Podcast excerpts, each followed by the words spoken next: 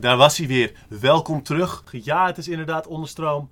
Nog steeds die politie-sirene. Nog steeds hebben we het over de politie. Dit is deel 3 van de reeks over de politie. En we hebben het over uh, arrestantengroep. En hoe je met politie kunt omgaan. Wat je rechten zijn en hoeveel je daaraan hebt. Heel veel plezier met de aflevering.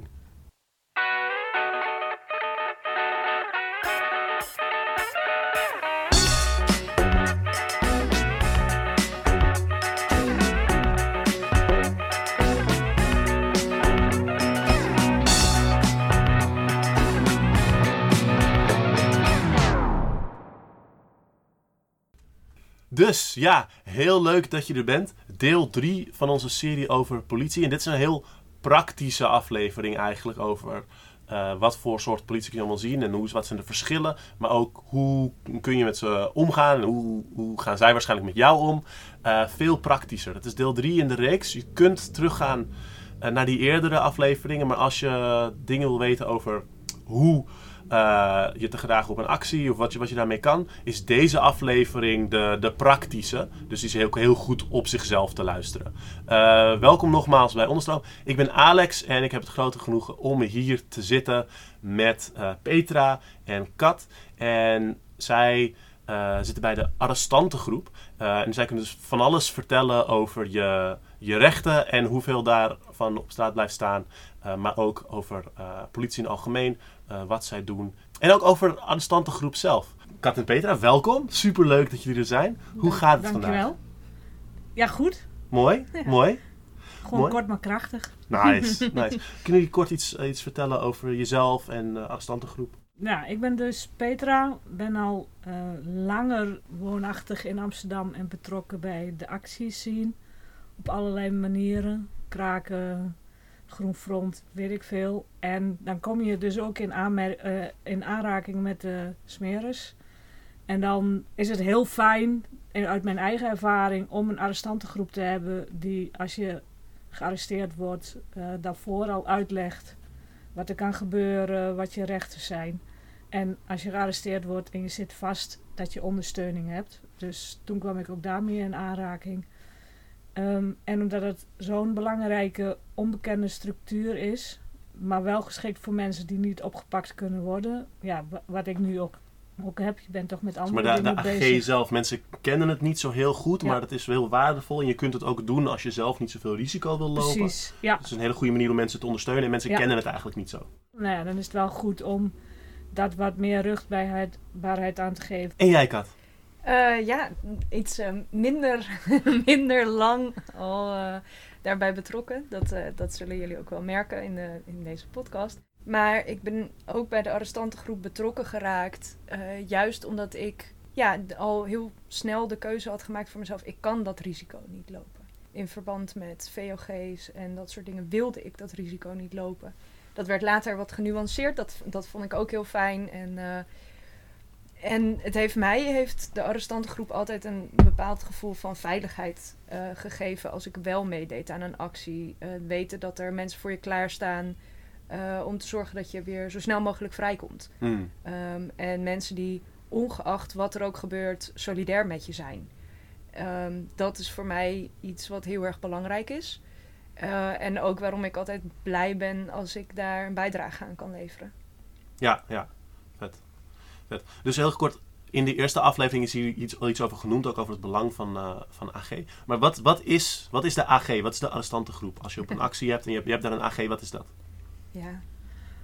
Dat uh, kan heel veel verschillende ja, vormen precies. Ja, ja. ja. Uh, heel in het kort is de arrestantengroep is gewoon uh, een groepje mensen die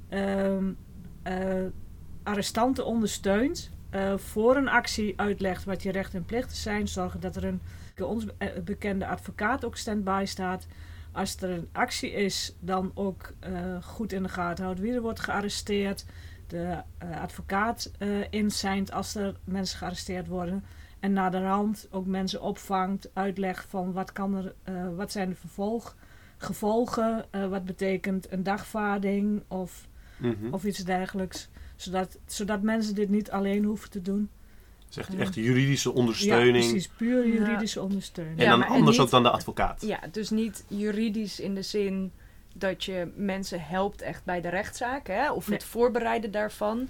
Maar in- zo leg ik het ook vaak uit, is wij, wij zijn er ook vooral om de advocaat te ondersteunen. Want wat Petra net ook zei, hè, de, de voor ons sympathiek, sympathieke advocaten, die doen dit ook vaak ook vanuit een overtuiging.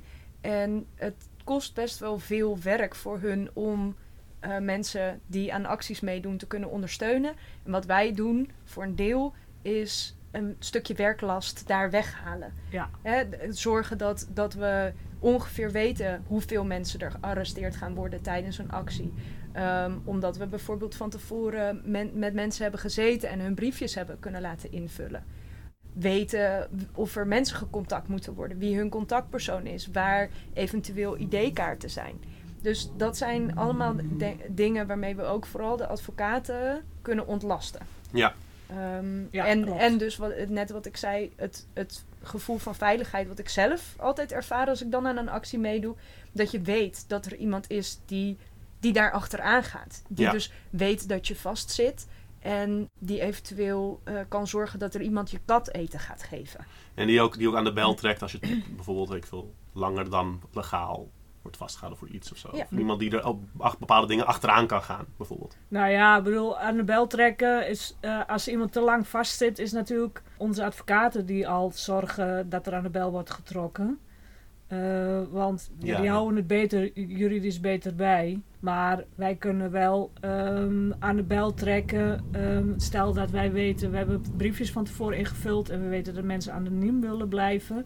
Maar we weten ook dat iemand eh, niet lekker in de vel zit of dat hij medicijnen nodig heeft. Dan kunnen wij al bij de advocaat aan de bel trekken van hey, Ja, we zien ja, dit op dit briefje.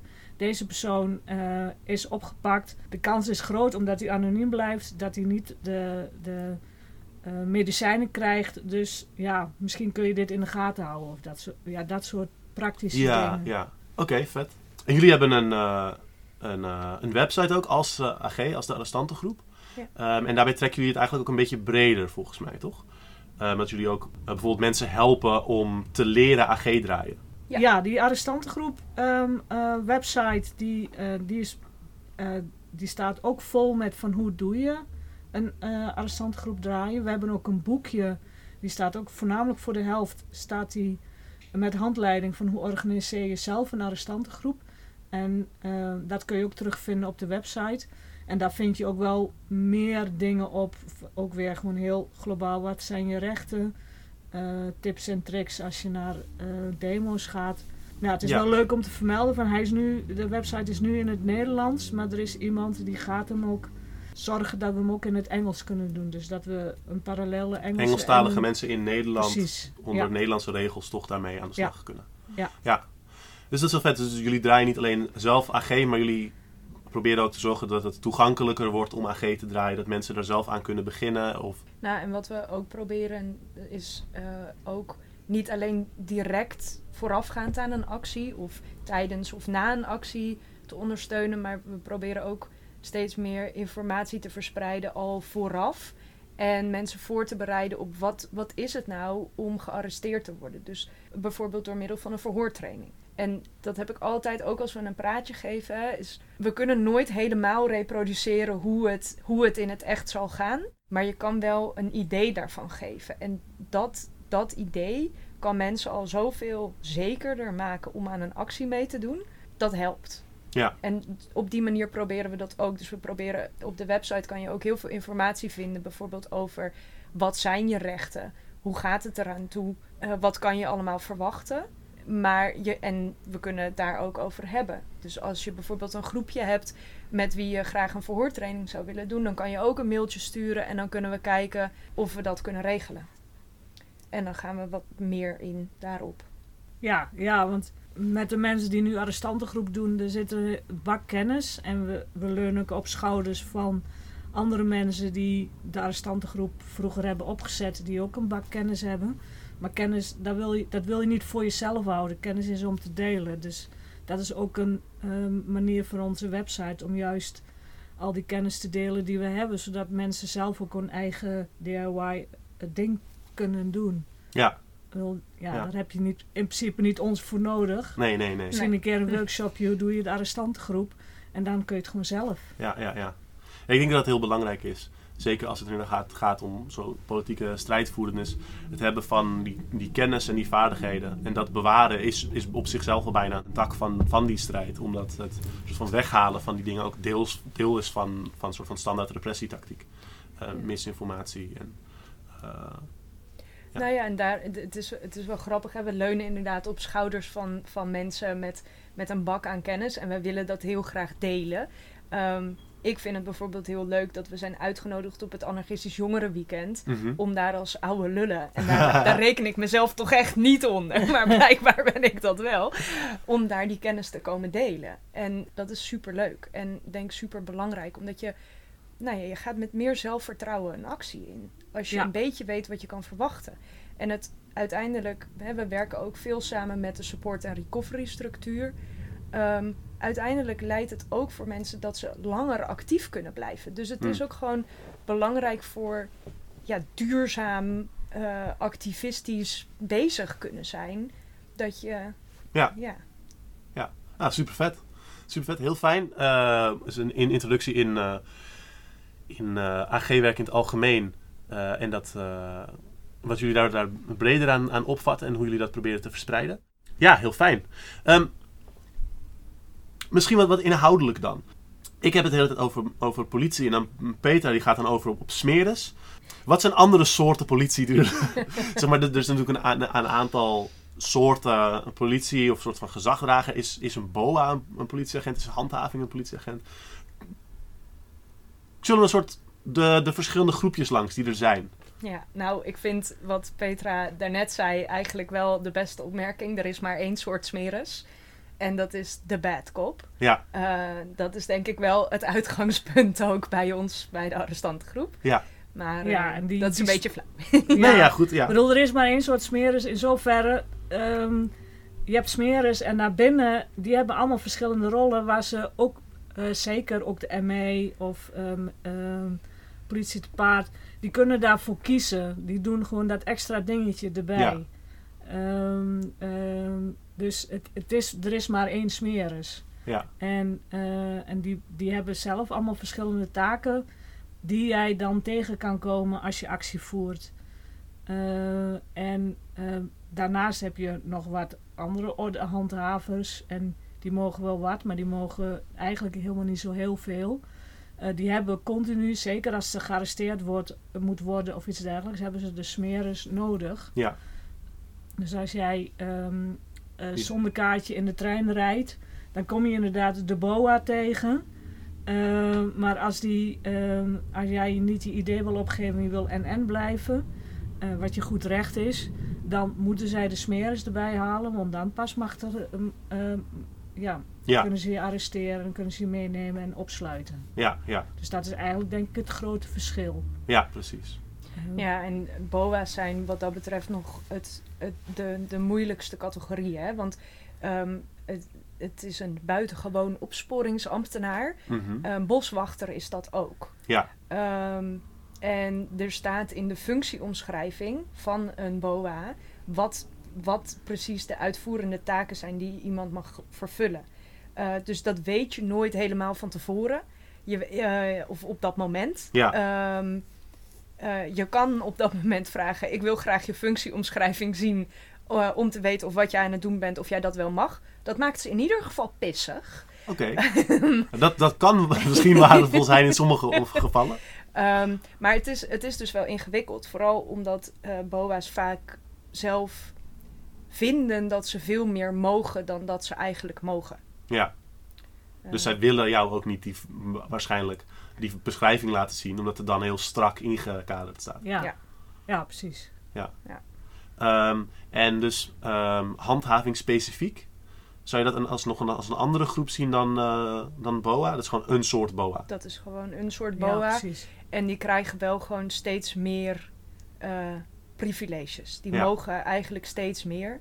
Eh, ik heb het van tevoren niet meer opgezocht, maar de, er is een specifiek artikel waaronder dat valt. En ehm, bij eentje, dat is zo vaag omschreven dat er eigenlijk staat: deze persoon mag ongeveer alles. Ehm, eh, dus ja, dat is, dat is echt heel, het is heel ingewikkeld. Ja. Ja, het, het zou eigenlijk wel een goede zijn om daar eens verder in te Mm. verdiepen. Om die verschillende BOA's en handhaving ook Ja, in kaart te brengen. En ja, want je komt daar ook als activist wel mee. Ja. Of als gewoon persoon. Eh, als je juist helemaal net toevallig naar je familie gaat, kun je ermee in aanraking komen. ja, ja. Omdat ze moeilijk willen doen. Het is altijd goed om dan te weten van wat, wat, hun, Ja. Wat zij wel mogen en niet mogen. Zodat je je daar ook aan Ja. tegen kan indekken. Dus En bij, bij acties, als je bij acties ondersteunt, dan kom je natuurlijk vooral politie tegen. Echte Ja. politie, smeres. Ehm, dus dan, dan is het misschien ook minder relevant voor het AG-werk. Maar het is wel, wel goed, misschien goed om te weten. Ook omdat, ehm, Ja. is, want handhaving, zeg maar, alles wat je handhaving noemt, dat is wel één type BOA. Dus daar zou je, in als, als die groep, is dat of Nee. niet? Nee, Niet eens? Nee, Nee. omdat een, het, ehm, een BOA die alleen maar als taak heeft om eh, bijvoorbeeld eh, eh, te controleren of mensen wel betaald hebben voor het parkeren. Ja, Dat is ook handhaving slash Oh, BOA. oké. Ehm, maar die hebben niet alle rechten van een, iemand die op straat patrouilleert om, weet ik veel, bepaalde veiligheid in de gaten te houden. ah, oké.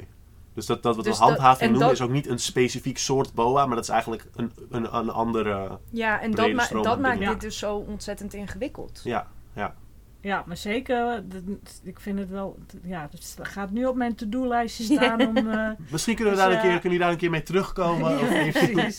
eh, dat we daar... Ja. Nou ja, en, en ik vind het ook wel voor iedereen die niet uit Amsterdam komt, is het ook nog wel weer anders. Want ik denk, Ja. in Amsterdam zijn er zoveel verschillende soorten boa's en ja, ja, ja. straatcoaches en weet ik het allemaal wat. En in een heleboel andere plekken heb je gewoon veel minder die dat onderscheid. Ja. Eh, maar, hè, er is gewoon veel minder capaciteit om allerlei van dit soort Ja. handhavingstypes en autoriteitsfiguren in te zetten. ja, ja.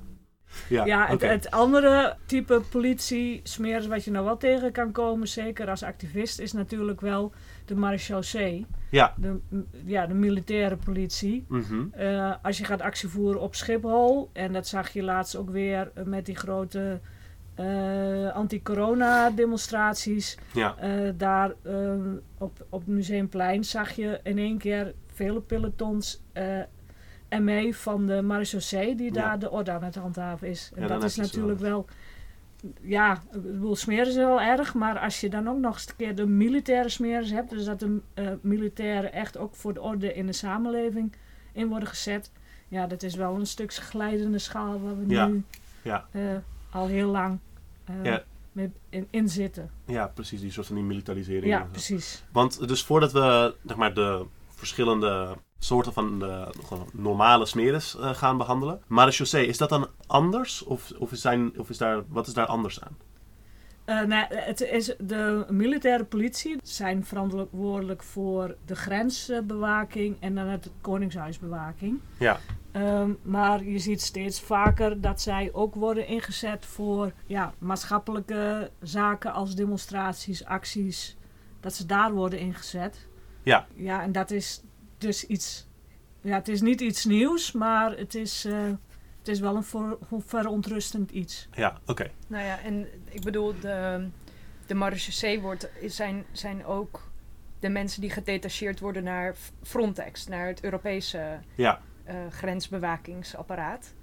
En het zijn over het algemeen gewoon iets meer hardcore mensen nog. Ja, ja. ze zijn. ehm smeren slaat hard, maar, maar ze sleet, ze kan Slaat toch harder. snel harder slaan. Ja. ja. Ja, ja. Ja. En maar zeg maar qua hoe je er verder mee, mee omgaat of wat, wat, recht, wat je rechten zijn of zo, is daar niet echt veel verschil. Het is meer een, een beetje hoe- deels hoe ze zich gedragen. Hoe, hoe zij handelen is eigenlijk het verschil. Niet, Ja. Nee, ja, behalve als je dus onder andere wetgeving gaat vallen. Hè? Want Ja. op het moment dat je ehm, wordt opgepakt en ze zeggen je valt onder de vreemdelingenwet, dan kom je ook in aanraking Ja. met de marechaussee. En dan worden je rechten ook wel anders. Want onder de vreemdelingenwet heb je gewoon een stuk minder recht om niet mee te werken aan je eigen veroordeling. Oké. Maar, Maar dat, goed, dat dat gaat er is- dus om als je bijvoorbeeld, stel, je komt een Nederlandse marechaussee, eh die werkt onder Frontex, gedetacheerd onder Frontex in Spanje tegen of zo. Dan zou dat bijvoorbeeld kunnen voorkomen. Nou ja, Of- ook, ook als activist zijnde en weigert je naam te geven, dus je bent anoniem, Ja, dan is het in het verleden, en het kan nog steeds wel gebeuren, dat je toch in vreemdelingendetentie wordt gezet, want je bent zogenaamd een... een ehm, Ze kunnen niet controleren of jij wel legaal in Nederland bent. precies.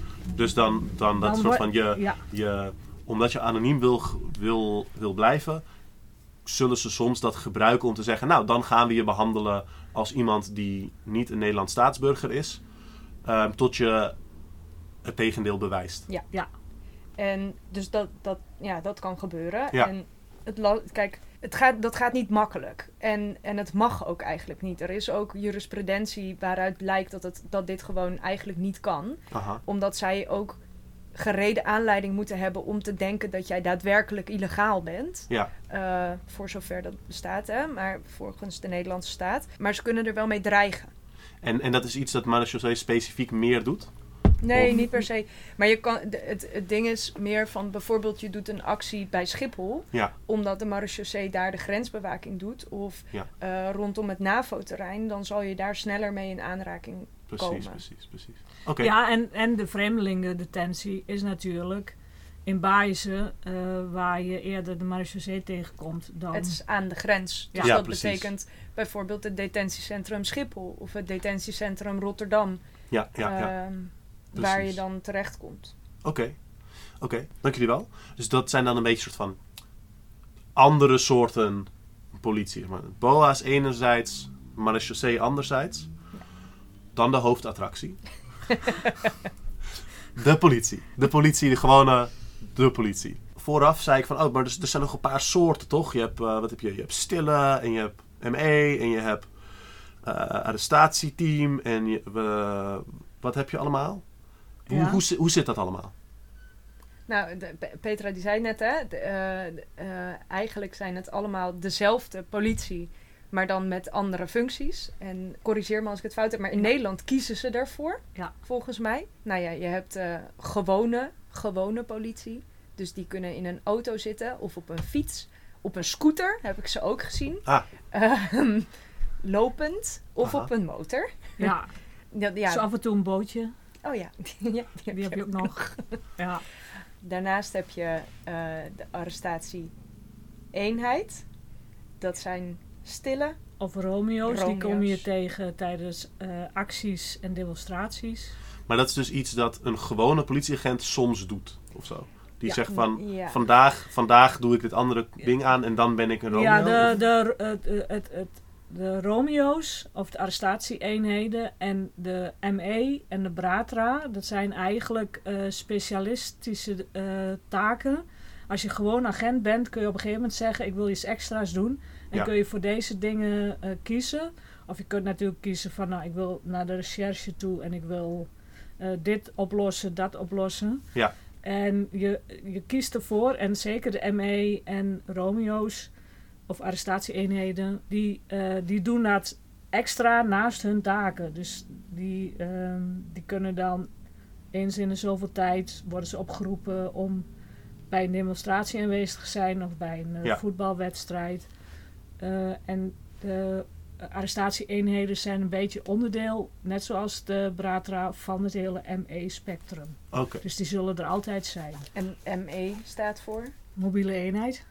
Ja, en Ja. dat zijn de mensen die je het meeste ziet. Dus op demonstraties, dat zijn de mensen met grote bescherming op, Ja. eh, in hun uniform. Hè. De, eh, scheenbeschermers, helmen, Helmen. schilden. langere stok. Ja, Lange latten. Ja. Dus je zou eigenlijk zeggen, dus, dus je hebt de politie en dan heb je een aantal mensen die dan binnen de, een aantal lui binnen de politie die dan in dat ME-spectrum soort van gaan bijklussen. Of als een soort extra soort van bijbaan binnen de politie dat erbij hebben. Met extra training, andere uitrusting. Ja. En die gaan dat soms doen. Ehm, en daar valt dus onder... Die zijn het niet 24 uur per dag in hun dienst, bij wijze van spreken. Oké. En daar valt dus onder dingen als eh, dus ME, mobiele eenheid. En dat Ja. zijn dus de soort van gepantserde met het schild en zo. En dus eh, stille of Romeo of arrestatieeenheid. Ja. Ehm, en Bratra, zei je? Ja. Zijn er nog andere? misschien Eh. is het goed om even Bratra uit te leggen ook. Ja, ja. En nou ja, ik, ik noem ze nu, Oh, dan ja, kunnen we ze allemaal af. Eh, dan heb je ook nog de lui die de waterwerpen besturen.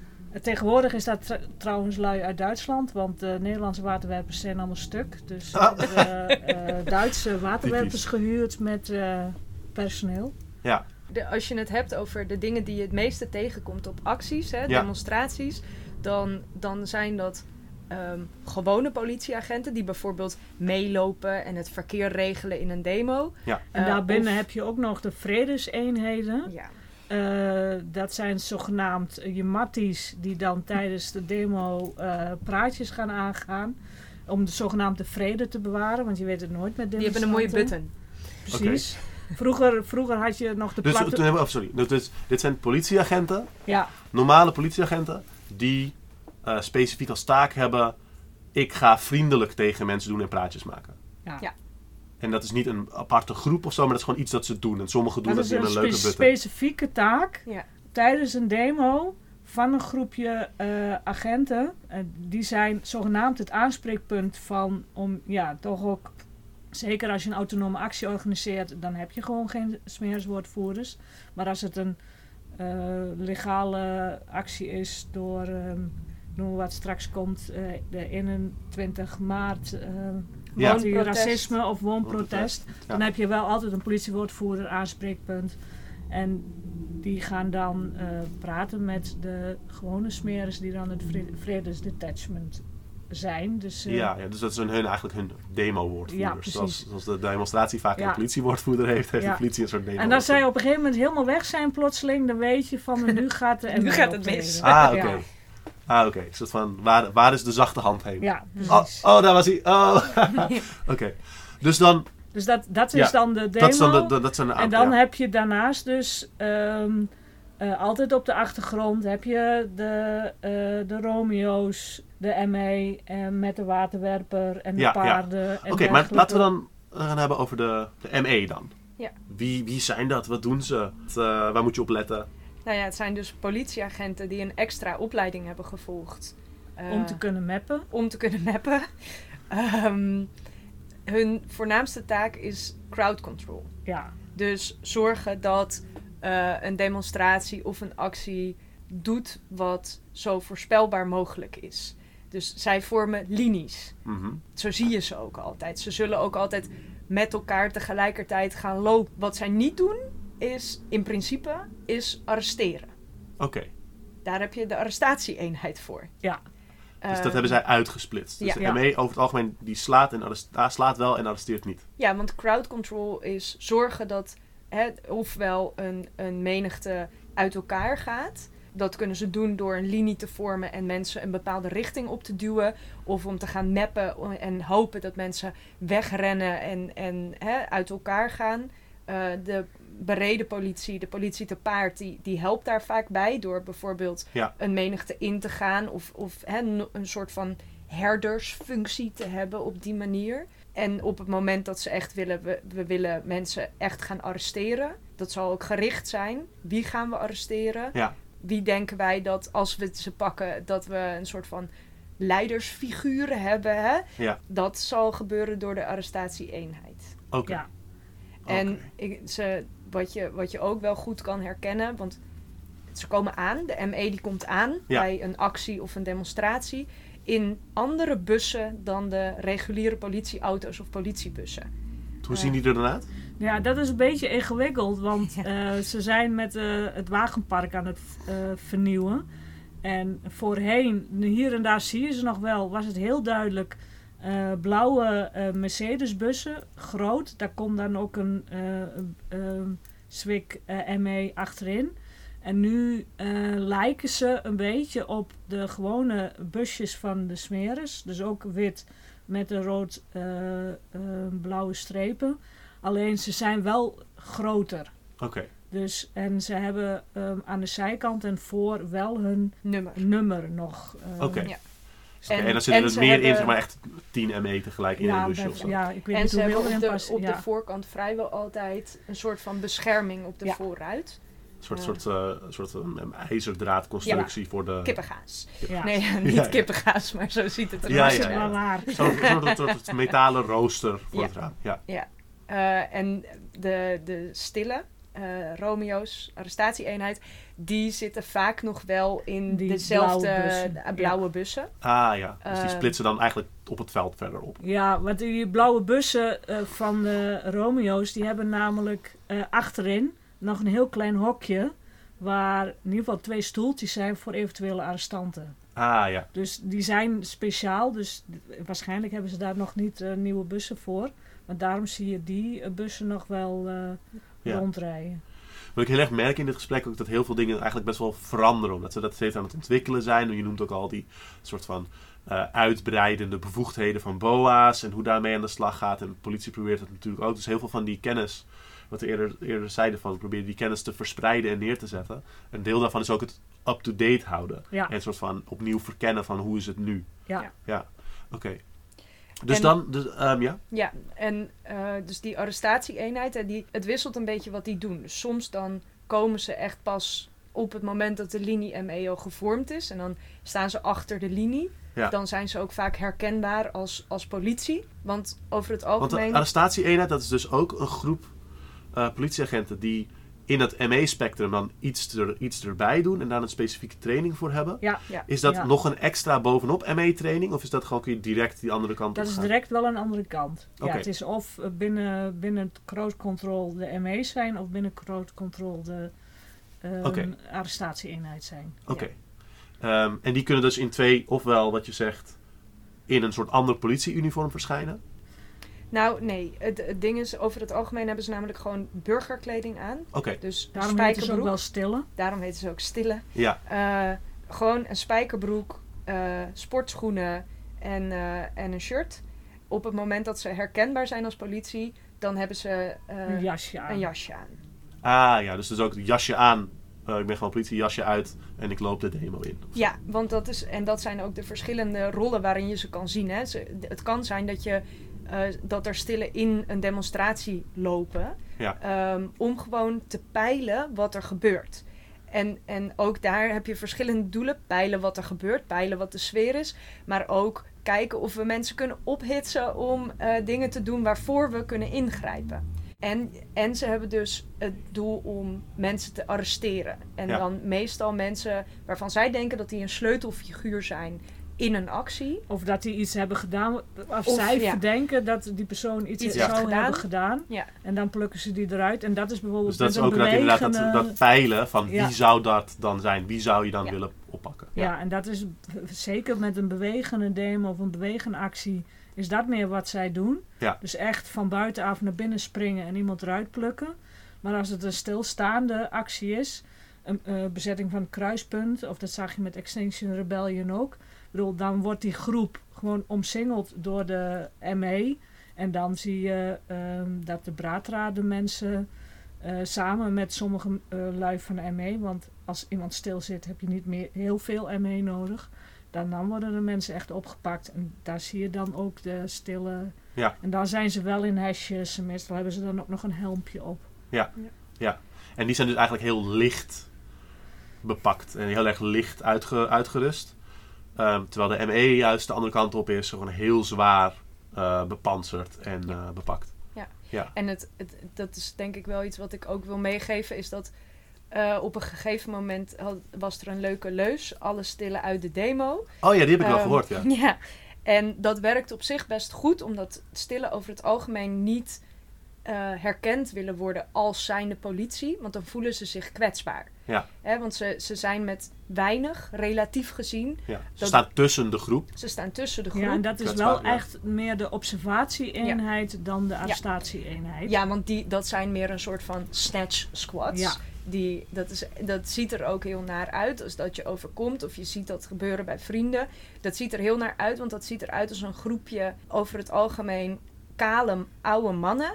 Die eh, een van je kameraden pakken, in elkaar meppen en meesleuren een busje in. En Ja. de, rest Dat die is eromheen staat en die wil proberen de arrestatie te ver- eh, vermijden, Voorkomen. voorkomen, die worden ook gewoon. Ja. eh, Gebeukt. Ja. ja. En dan Ehm, vaak ook door die ME-linie heen. Dus dan zeg maar de linie, soort opent een beetje. Die, die snatch squad, die komen er doorheen. En die, toch? Ja. Ja. Ehm, maar, wat was ik aan het zeggen? Stille in de Stille demo. in de Stille in de demo. Ja, Eh, het is dus op zich is het goed om mensen aan te wijzen. Hè, van, goh, ik denk dat dit stille zijn.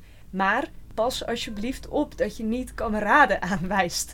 Want er zijn dus ook mensen, anarchisten, die eruit zien als kale oude witte mannen. Ja, Met spijkerbroeken en sneakers. spijkerbroeken en sneakers zijn namelijk heel gebruikelijke kledingstukken. Die heel veel voorkomen. Ja, Ehm, en eh, het, is, het is ook vervelend als we eh, elkaar gaan wantrouwen, want dan Ja. uiteindelijk winnen zij. Ja. Hè, Ja. de, de verdeeldheid creëren onder eh, actievoerders, dat, is, dat, dat, dat, Dat is heel belangrijk. dat werkt tegen ons en Ja. dat werkt hun in de hand. Dus kijk daarmee uit. Ja. Ja. Ik denk dat wat voor mij altijd. eh, mijn vader heeft mij dat geleerd. We hadden dat er in het begin ook over van wanneer zijn die stillen nou eigenlijk gekomen. Hè? Dat eh, jij zei jaren ja ik denk, Ja, ik, weet het 80. niet precies, maar in ieder geval in de jaren tachtig waren ze er al. waren ze er al. En ik weet nog dat toen ik voor het eerst acties ging doen, eh, dat mijn vader zei: let op de stille. En je kan ze herkennen aan hun schoenen. Want hun schoenen kloppen nooit met de rest van de outfit. En dat is zo vaak is dat waar. Ja. Klopt. Ehm, Ja. Omdat die of veel te nieuw zijn. Of eh, soms hebben ze ook gewoon nog de, de gewone dienstschoenen aan. Ja. Maar dan onder een spijkerbroek en een, en een Noordface jas. En wat ik heel vaak heb gezien, vooral als ze langs de kant staan om te observeren, is dat ze oortjes in hebben. Ja. En alsof ze gezellig in een groepje muziek aan het luisteren zijn met elkaar. Nou, dat ziet er gewoon belachelijk uit. Ehm, en al helemaal in een, in een demonstratiesetting. Ja, ja, ja, ja. ja. Ehm, maar denk vooral niet dat iedere oude witte kale man met een spijkerbroek stille is. Ja, ja, ja. Ja, dan blijf je aan de gang. Ja.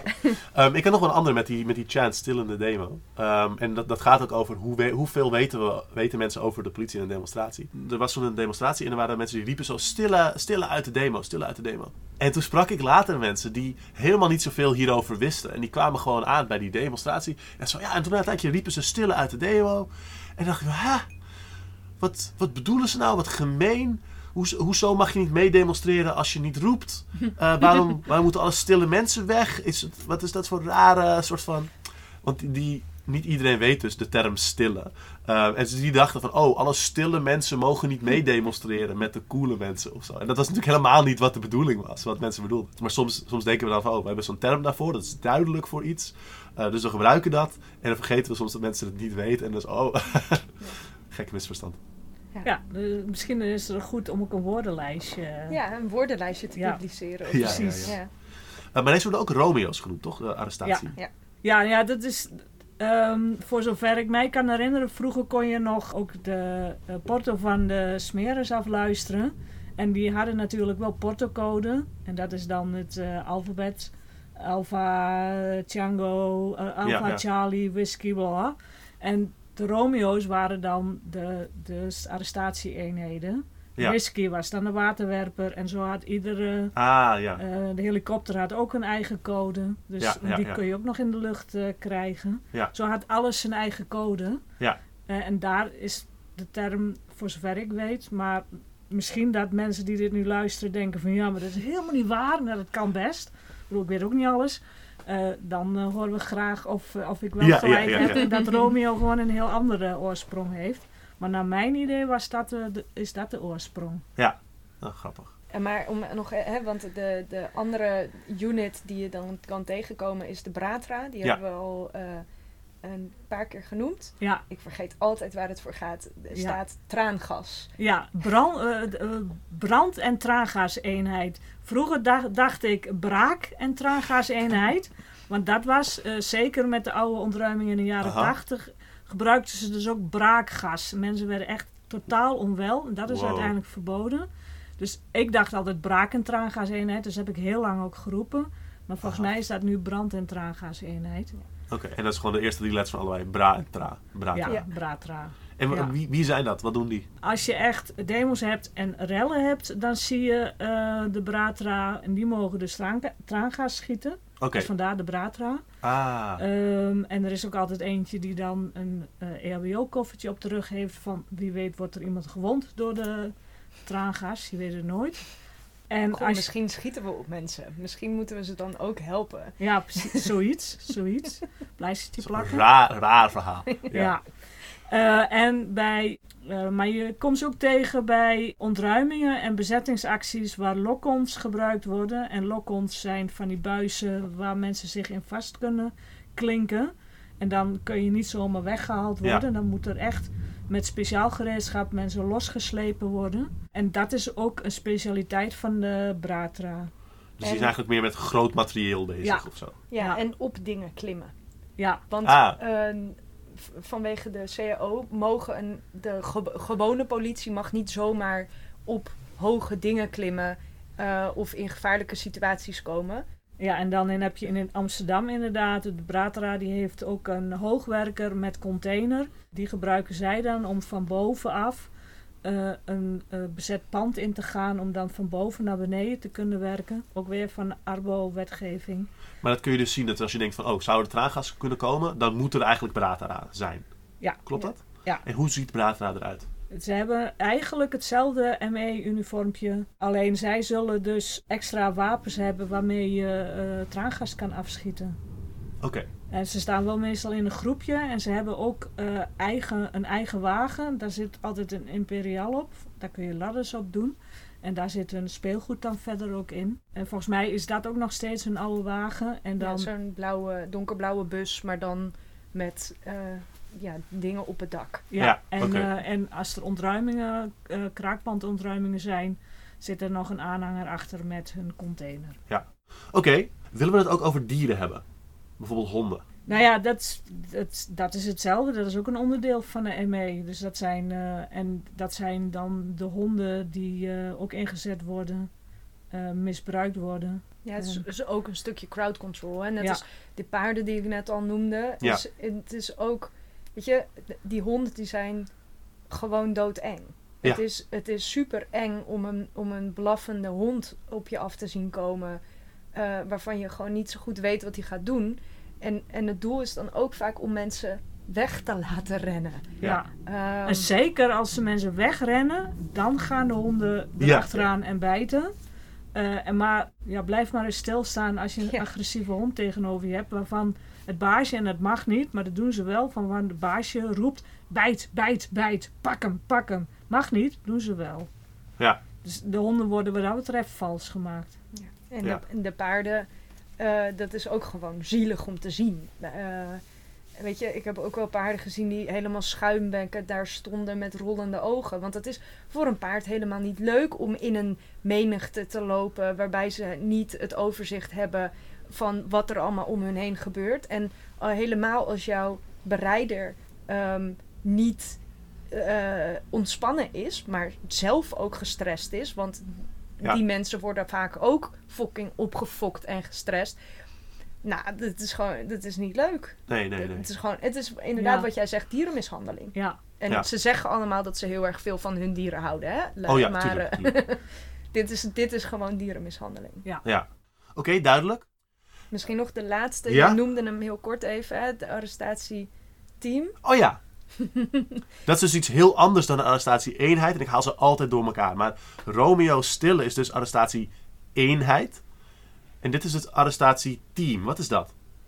Ja, het is eh arrestatieteam. dat zijn echt eh, de Robocops ehm, die worden ingezet bij terroristische eh, toestanden. Of bij mensen die eh, als ontzettend gevaarlijk, vuurgevaarlijk bekend staan. En die worden dan eh, speciaal ingezet eh, om die mensen te arresteren.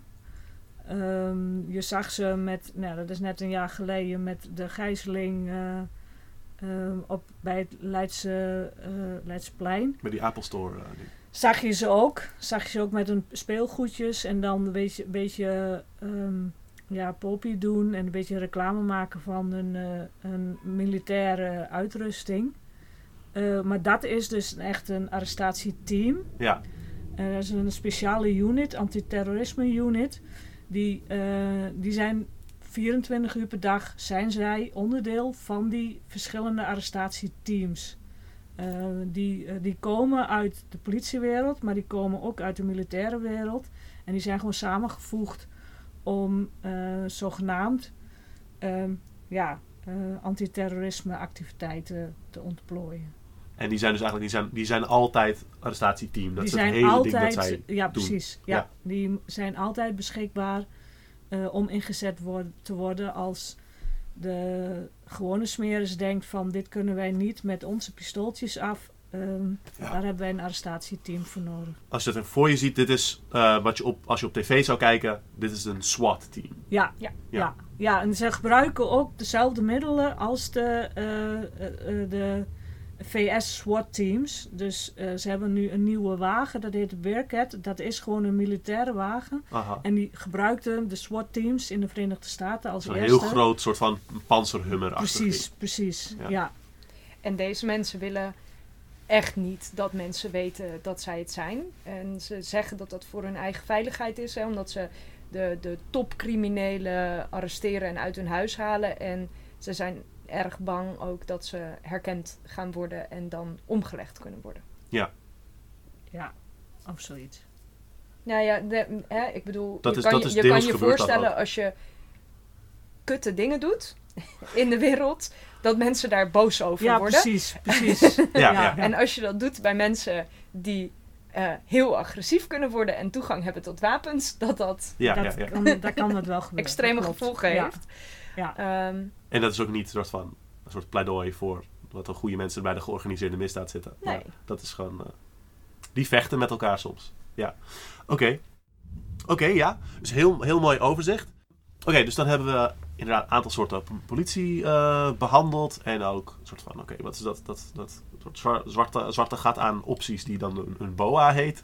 Ehm, en wat is dan de, de, de daarnaast vooraf? hoe ga je ermee Hoe ga je om? ermee om? Hoe ga je ermee om? Ja, nee, inderdaad. Ja. Wat, eh, wat, wat voor rechten heb je en in hoeverre maakt het uit dat je die rechten zou hebben? Wat zijn algemene dingen die mensen zouden moeten weten eh, over hun rechten tegenover de politie en, en hoe daarmee om te gaan? Nou, algemeen denk ik van, ehm hou er in ieder geval rekening mee. Er zijn wel rechten en er zijn wel wetten, maar de smeris houdt zich daar niet aan. Bedoel, ehm, dat is wel even om dingen te relativeren. De, je hebt recht op demonstratie, je hebt recht op dit, je hebt recht op veganistisch eten als je in de bak zit. Maar het kan best zijn, de smeris mag ook liegen. Eh, het kan best zijn van dat als je het puntje bij paaltje komt, eh, dat de smeris net doet of een neusbloed of net doet of ze het niet weten. Dus ja, dat is ook een rol natuurlijk, want Ja. ze zijn er niet voor jou, ze zijn er voor de ordehandhaving. Eh, het zijn ook geen hulpverleners. Al die verhalen van smeris en hulpverleners, daar klopt dus helemaal niks van. Nee. Ze zijn ordehandhavers. Ja, ja, maar dat- sommige dingen mo- moet je gewoon vaak zeggen. Ja, dat is gewoon ja. belangrijk. Ja. Dat is gewoon belangrijk. Nou ja, ik denk dat dat, dit is wel, eh, kijk, tijdens een actie, de, aan de ene kant is de smeris heel eh, voorspelbaar. Hè? In, in- op bepaalde aspecten is het voorspelbaar. Dus de dingen die we net hebben besproken, wie doet wat. En tegelijkertijd is het heel onvoorspelbaar, omdat het ook zomaar kan switchen. Je denkt, nou, we zijn hier best een oké demonstratie aan het lopen. En opeens rijdt er een, een blik ME de demo in. En worden er mensen gearresteerd of in elkaar geslagen. Terwijl je eigenlijk zelf daar helemaal geen aanleiding toe ziet. Ja. En ik denk dat, en, en dan kan het heel erg oneerlijk en onverwacht overkomen. Zij hebben er een doel mee. Zij Ja. hebben erover nagedacht. En ehm, ik vind het altijd lastig. Mensen hebben het soms over je, van zij weten ook niet wat ze aan het doen zijn. Zij weten donders goed wat ze aan het doen zijn. Soms, weet je, raken zij ook totaal, dan, dan zie je dat ook, hè, dat ze de controle over zichzelf kwijtraken. Dat ze misschien te erg genieten van slaan of zo. Of dat ze bang worden. Dat is ook Ja. eh, dat is gevaarlijk. Als mensen bang worden, dan doen ze namelijk hele rare dingen. Mhm. Net als als mensen boos worden. Ja. Politieagenten worden ook boos en ook bang. Of verrast, of ja, Ja. inderdaad. Maar ik denk uiteindelijk, ze, ze, ze doen wat zij moeten doen, denken te moeten doen om de orde te handhaven. En vooral ook om dus hun autoriteit daar neer te zetten. Dus als zij het gevoel hebben dat hun autoriteit wordt ondermijnd, dan wordt het een kat in het nauw, maakt rare sprongen. Ja. Ja. Ja. Oké.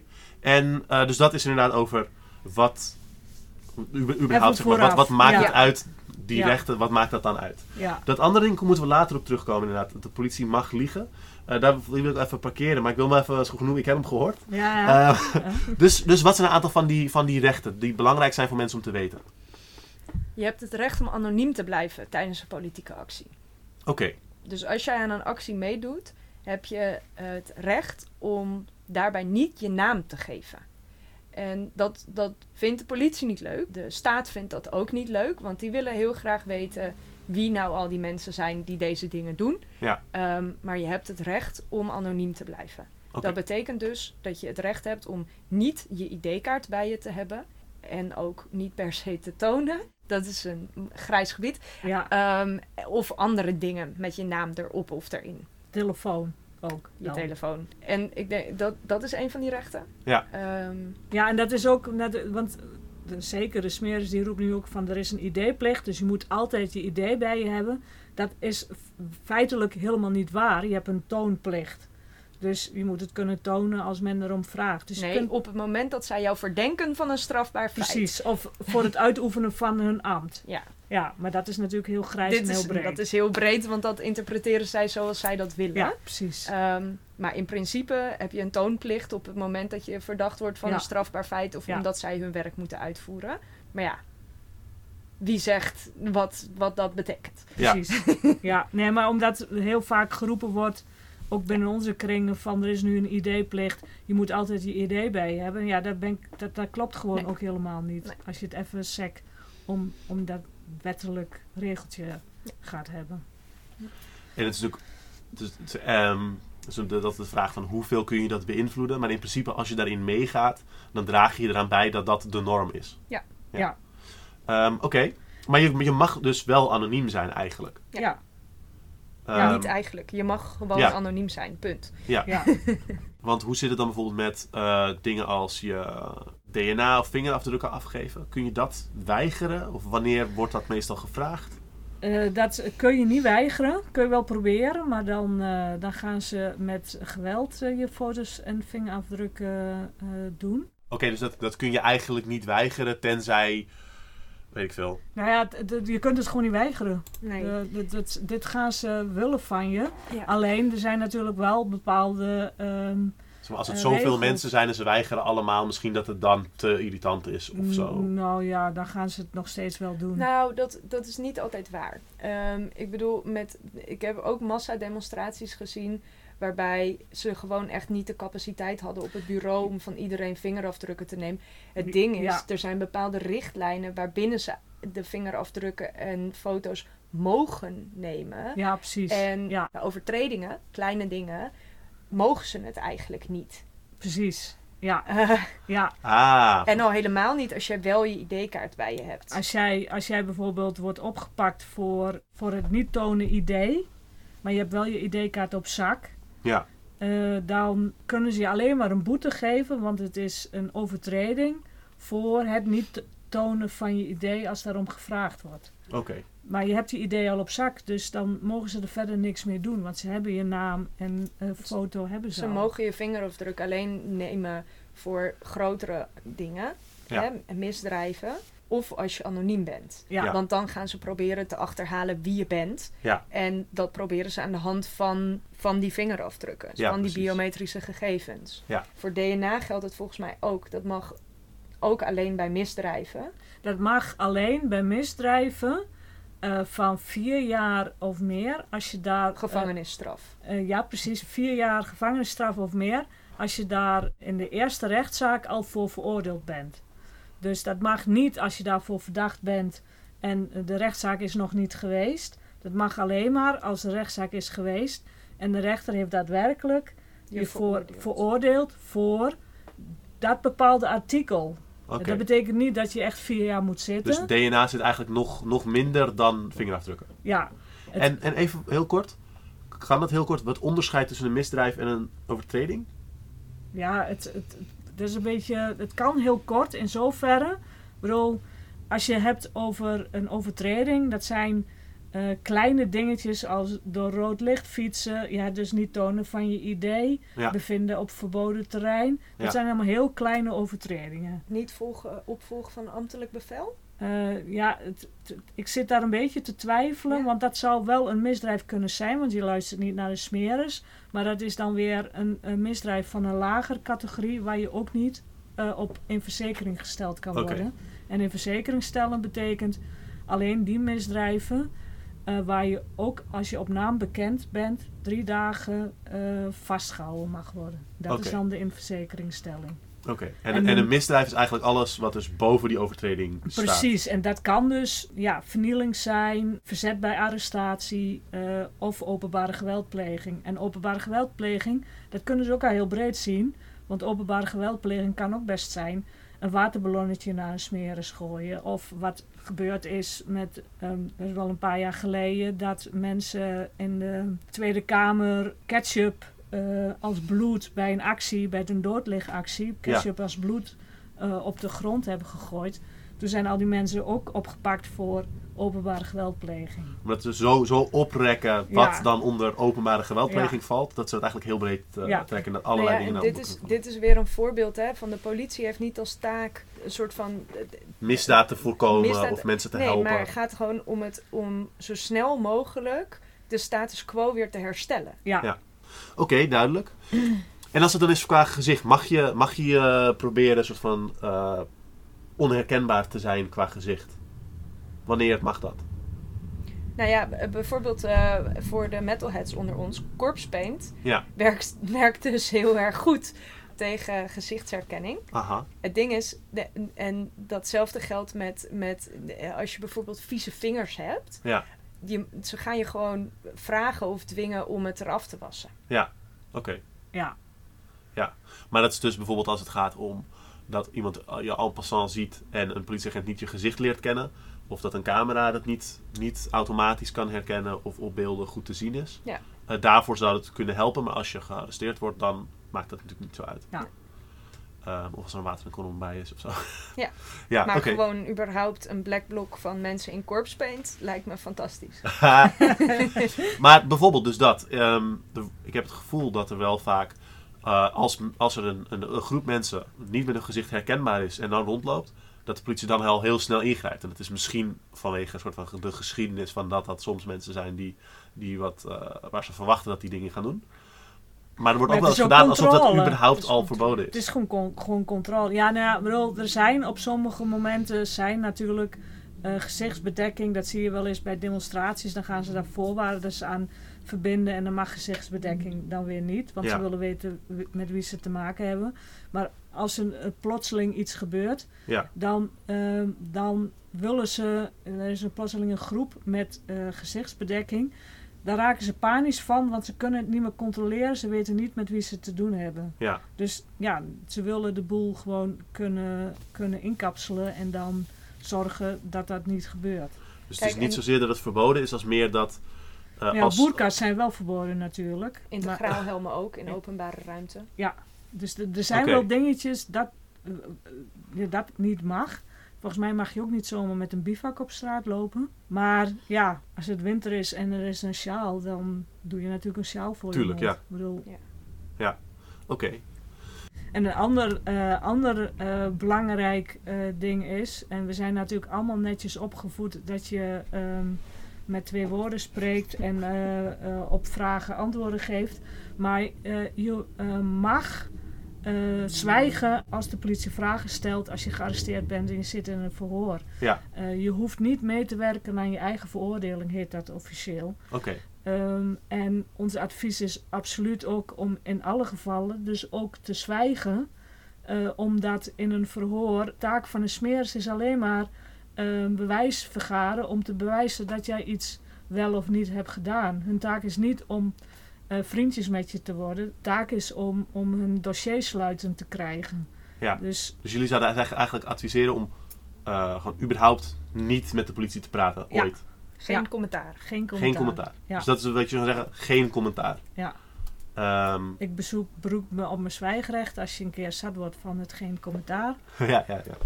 Ik beroep me op mijn zwijgrecht. Ja. Ehm, maar je zei in een verhoor. Dus, maar daarbuiten maakt het niet zo uit dan.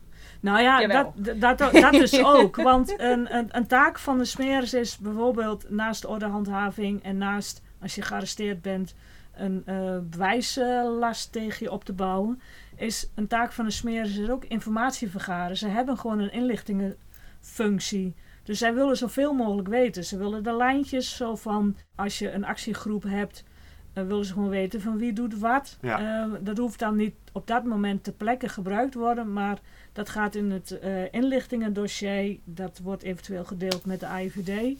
Als die lijntjes kort zijn. En dat, dat, dat wordt gewoon verzameld. Eh, dus eigenlijk alles wat je zegt, dat gaan ze verzamelen. En dan kunnen ze eventueel ook later tegen je gebruiken. Het ding is, de politie zijn geen maatschappelijk werkers.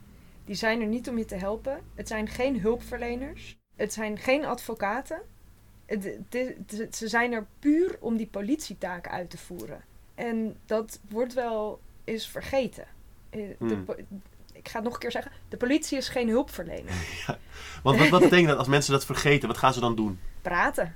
Heel veel praten. Heel veel praten. Want het, het kan, weet je, de politie wordt er ook in opgeleid om jou aan het praten te krijgen en, en je op je gemak te stellen. Aha. En dat kan zijn tussen hè, van je cel naar de voorkamer brengen, gewoon een praatje maken over het weer. Ja, Of als je langer vastzit, b- tijdens het luchten een praatje te maken. ja, En dat lijkt heel vriendelijk. En het kan lijken alsof ze er ook zijn om je gewoon bij te staan en te helpen. Want het is natuurlijk ook een hele moeilijke tijd. Niemand vindt het leuk om vast te zitten. nee. Weet je, dat is ook heel vervelend. Zware en dag, wat- toch? wat Petra- Gisteren ook al. Ja. Nou, Precies. En het ding is, wat Petra net ook al zei, is dat ze zijn er alleen maar om informatie te verzamelen. Alles, alles wat je zegt, kan worden gebruikt en wordt opgeslagen. ja. Dus er is geen off the record. Er is geen... Nee. Dit is gewoon voor Nee. lol. Dit is gewoon... Oh ja, we hadden gewoon een soort grappige klik. Nou, buiten het werk om hebben we gewoon even een praatje. Maar het is, het is ook gewoon heel bazaal. Als ik iemand op straat tegenkom die ik niet ken, dan ga ik tegen die persoon toch ook niet plotseling zeggen zo van... Hé, hey, eh, hoe is het? En eh, nou ja, ik was vanochtend, eh, of gisteren jarig en leuk feestje gehad. Dat doe je toch niet met een vreemde? Dat doe je Nou, met je... misschien zouden we dat meer moeten doen. Zou de wereld een leukere plek zijn. Dat- misschien, misschien, maar dan niet met de smeer. maar niet met de geval. smeerders. Nee, maar het is inderdaad zeg maar die, die soort van vergelijking met een hulpverlener of van een Ja. advocaat of gewoon. Je, je zit dan in een instelling, bijvoorbeeld een, een uh, detentiecentrum, waar je ook bent. Je bent opgepakt ergens, waar je ook, waar je ook zit. Dan ben je bij hun. Dus dan, dan is het zo van, nou ja, goed, hoe, hoe, hoe beviel het eten? Ja, ja. Ja. die kok is een beetje... Nou ja, ook En dan kun je dat openbreken, dan Dat, kun je wou daar ik iets van zeggen, maken. inderdaad. Van we zijn, eh, wat jij net zei, we zijn gewend, of het is ons aangeleerd om met twee woorden te spreken, om, om netjes te antwoorden op vragen. En het is ongelooflijk moeilijk om eenmaal te stoppen met praten als je begonnen bent. Eh, ik wil Ja. dit iedereen thuis meegeven om eens een keer te proberen, gewoon te oefenen met elkaar. Is begin eens een gesprek en dan te bedenken. En op een gegeven moment ga ik opeens stoppen met praten. Dat is super awkward. En nee, maar je, je voelt dat ook. Je, maar alles in je neigt om door te praten. En omdat de, de smeris erop getraind is om je aan het praten te krijgen, d- dit soort lulpraatjes... Zij hebben dus ook ideetjes om dat los te krijgen. Ja. Ja, gewoon Ja. praatjes over niks, praatjes over de koffie, het weer of of je een peukje wil hebben, zijn allemaal instrumenteel in het jou laten praten. Ja, een grapje tussendoor. Ja. Of een, ja. Zeg maar, het is het, het invullen van een formulier, hoe onschuldig dat in eerste instantie ook lijkt. Hè? eh, heb je schoenen aan? Eh, welke kleur is je broek? Welke kleur is je jas? Dat kunnen ze allemaal zien. Het doel is, daarvan is niet dat jij dat zegt. Het doel daarvan is dat jij begint te praten. Ja. Want als ze dan bij de daadwerkelijke... En wat is je naam?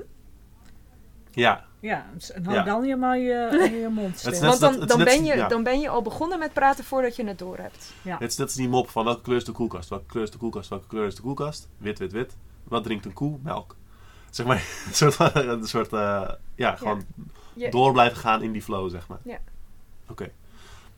En de politie mag liegen. Ja, bedoel, dat, dat gebeurt in het verhoor. Zeker als je met een klein actiegroepje bent opgepakt. Om, eh, en als iedereen zegt zo van en niks zegt, ik beroep me op mijn zwijgerecht, geen commentaar. Dan willen ze je nog wel eens uitspelen door te zeggen van hé, hey, maar hey, eh, als je nou verklaart, ga je eerder naar huis. eh, al je vrienden hebben al verklaard, werk nou mee, dan eh, kunnen we het dossier afsluiten. Allemaal dat Ja, ja. soort dingetjes is natuurlijk ook om je ook aan het praten te krijgen. Om je gewoon op, op eh, ja, een vals spoor te zetten. Om het gevoel te hebben geven dat je al verloren hebt en je hoeft Ja. alleen maar af te handelen. Ja, Of ja, er is nog iets te winnen als je maar gewoon... ja, en je zit natuurlijk alleen in de bak. Dus je kunt niet kortsluiten met je vrienden die in de cel verder zitten. Want je kunt er niet over praten. Dus je weet, weet ook niet of het waar is. Nou, dat, dat, daarom zeggen we ook altijd van... Smeers kan liegen. Alles wat ze zeggen tegen je... Ga ervan uit van dat dat niet waar is. Ja. En zorg gewoon dat je eerst je advocaat spreekt. Want die liegt niet. En die kan vertellen van wat er precies gebeurd is. En wat verstandig is om te doen. En die zal ook altijd zeggen van... Verklaren niet.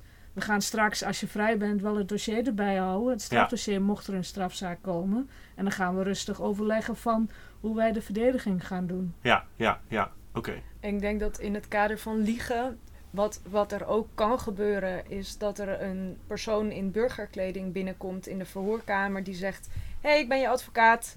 En dat hoeft niet altijd zo te zijn. Daarom adviseren wij ook iedereen om te vragen naar het kaartje van de advocaat. Ja. Je advocaat heeft altijd een kaartje bij zich. Vraag daarnaar. En als het goed is, weet je misschien, misschien heb je je advocaat niet gezien voordat het gebeurt, maar dat je wel weet van welk bureau die zou zijn Ja. of Ja. zo. En Ja, die kaartjes, die kunnen ze niet zomaar. Ze kunnen niet bijvoorbeeld een kaartje van de advocaat hebben liggen en zeggen: Ik ben die persoon. Zeg maar, zo ver gaat het frauduleuze gedrag nou ook weer niet. Oké. Ehm, laten we ze daar enige credits voor geven. ja eens moet de eerste keer zijn. maar ja, dan, dat, je weet zullen wij onze advies er natuurlijk op aanpassen. Maar je, je voordoen als echt een ander persoon, als iemand die je niet bent, dat zullen ze niet doen. Maar ze kunnen wel dus binnenkomen en zeggen: Hé, hey, ik ben jouw advocaat. Ja. En dat, ja, op het moment dat je dus niet vraagt naar een kaartje Ja. en je gaat praten met die persoon, dan Ja. kan dat wel tot lastige situaties leiden. Terwijl je advocaat die zal je altijd om een kaartje vragen. Ja, Of die laten zien. Of die laten zien. Ja, precies. precies. Ja. Een ander ding wat de smeers ook wat doet rondom het kopje liegen, is bijvoorbeeld zeggen van we kunnen je advocaat niet bereiken. Of de advocaat is te druk, dus eh, we zorgen voor een andere advocaat. Daar Aha. klopt natuurlijk ook niks van. Dat is ook om je een beetje, ja, ook weer onzeker te maken. En dan om je toch een beetje te kunnen breken. Soms is het daadwerkelijk dat je plotseling een hele andere advocaat voor je neus hebt staan. Want dan hebben ze daadwerkelijk gewoon een andere advocaat ingeseind. Oké. En dat, is, dat mag dus ook niet en dat klopt ook niet. Zij als- mogen niet aanpassen wie jouw advocaat is. Als jij wil dat er een bepaalde advocaat eh, jou helpt, dan moeten Smeres zorgen dat die advocaat ook ingeseind wordt. Smeres mag zelf niet bepalen wie jouw advocaat wordt, tenzij jij niet om die advocaten vraagt. Want dan Ja. heb je een hele piketdienst van advocaten en dan gaan ze gewoon het piketlijstje af van wie is op- dat moment de advocaat van dienst en dan wordt die ingeseind. Eh, maar als jij heel bewust vraagt naar de advocaten en wij, wij gebruiken alleen maar advocaten van de sociale advocatuur die zelf ook die pakketdiensten doen, die moeten zij dan inzijnen en dat gaat je dus ook niks extra's kosten, Ja. want het valt gewoon onder die pakketdienst gebeuren. Het zijn gewoon Ja. sociale advocaten die wij Ja, allemaal die staan gewoon in een lijst en de, het pak gewoon de bovenste of zo. Ja. En, en als een, eh, een, een politieagent je, zou, je staande zou houden en denkt dat je, eh, ik veel, ergens iets mee te maken hebt, maar heeft niet per se een soort dinges of zo, maar die, die zou, je, zou je staande houden. Wat, ehm, mag die je zomaar meenemen of wat kun je daaraan doen? Als je Nou, op ja. straat een... Het, officieel mag het dus niet. Maar het is in het verleden ook wel gebeurd dat zij een, een groep mensen die in de buurt actief was met buurtstrijd, dat ze die gewoon in kaart wilden brengen. Ja, En dan verzonden ze wel een excuus om die personen wel mee te kunnen nemen. Ik bedoel, als jij zomaar op straat loopt, mag de smeris je niet staande houden en zeggen van jouw gezicht staat me niet aan. En nou, dat doen ze natuurlijk wel. Ik bedoel, wij zijn wit, dus wij zullen daar eigenlijk geen last van hebben. Maar zwarte mensen zullen daar zeker wel, eh, en andere mensen van kleur zullen daar zeker last van hebben. Die worden continu staande gehouden. Ja, Ehm, en, en dan wordt dan van alles, die moeten dan van alles doen. En dan onder het mom van, nou ja, er is ergens bijvoorbeeld iets gebeurd en we verdenken jou. Of het is gewoon om te checken dat je niet toevallig in een mooie auto rijdt en dan ben je een drugsdealer. ja, dus- ja. Het mag niet, maar ze doen het wel. En bewijs dan maar dat het, zij zullen altijd zich verschuilen achter van we deden alleen maar ons werk. Ja, ja. En bewijs da- dat dan maar dat dat het tegendeel is. En ik denk, het is, want het is wel interessant wat je zegt hè, rondom de, de, eh, het staande houden van auto's zomaar. Eh, dat wordt inderdaad vooral gedaan rondom het etnisch profileren. Ja. Ehm, maar het gebeurt ook bij mensen die veel actie voeren en op een gegeven moment een eh, CTER-registratie krijgen. Oké. Eh, ik, eh, counterterrorisme en extremisme registratie is het volgens mij Zoiets. Ehm, en dan mogen ze opeens heel veel meer. Dan krijg je dus situaties dat als jouw kenteken gescand wordt en door, door een eh, politie op de weg, dan moeten ze, dan krijgen ze auto- automatisch een melding dat ze die persoon moeten st- eh, staande houden en moeten controleren. Controleren wie er achter het stuur zit Oké. omdat de auto staat dus geregistreerd. En dat is. De, de, de, er gebeuren dus een heleboel. Het is met al deze dingen. Het is gewoon heel lastig om erachter te komen. wat nou gewoon de praktijk is. Ja. En dus wat misschien niet altijd helemaal wettelijk gezien mag. Ja. Of wat valt binnen wetten die je dan eigenlijk net niet goed genoeg kent. Want dat wetboek is ook zo dik en er zitten allemaal uitbreidingen aan. En Ja. je hebt te maken met het strafrecht, je hebt te maken met civiel recht, je hebt te maken met de algemene plaatselijke verordeningen die nog kunnen veranderen van ongeveer eh, ja, plein ja. tot plein. Ja, Ja, ja, ja. Dus het is heel moeilijk om te weten wat, wat mag er eigenlijk. En daarnaast is het eigenlijk ook nog een strijd over hoe interpreteer je dat dan? Ja, En, Ja. en wie heeft daar dan gelijk in? En dan kom je ook bij het, bij het soort van het rechtssysteem en jurisprudentie. ja. Ehm, en dan is het ook nog zo dus dat de politie dat eigenlijk gewoon best wel gebruikt zoals ze willen. Of er overheen gaat en er vaak wel mee wegkomt. ja. Ja.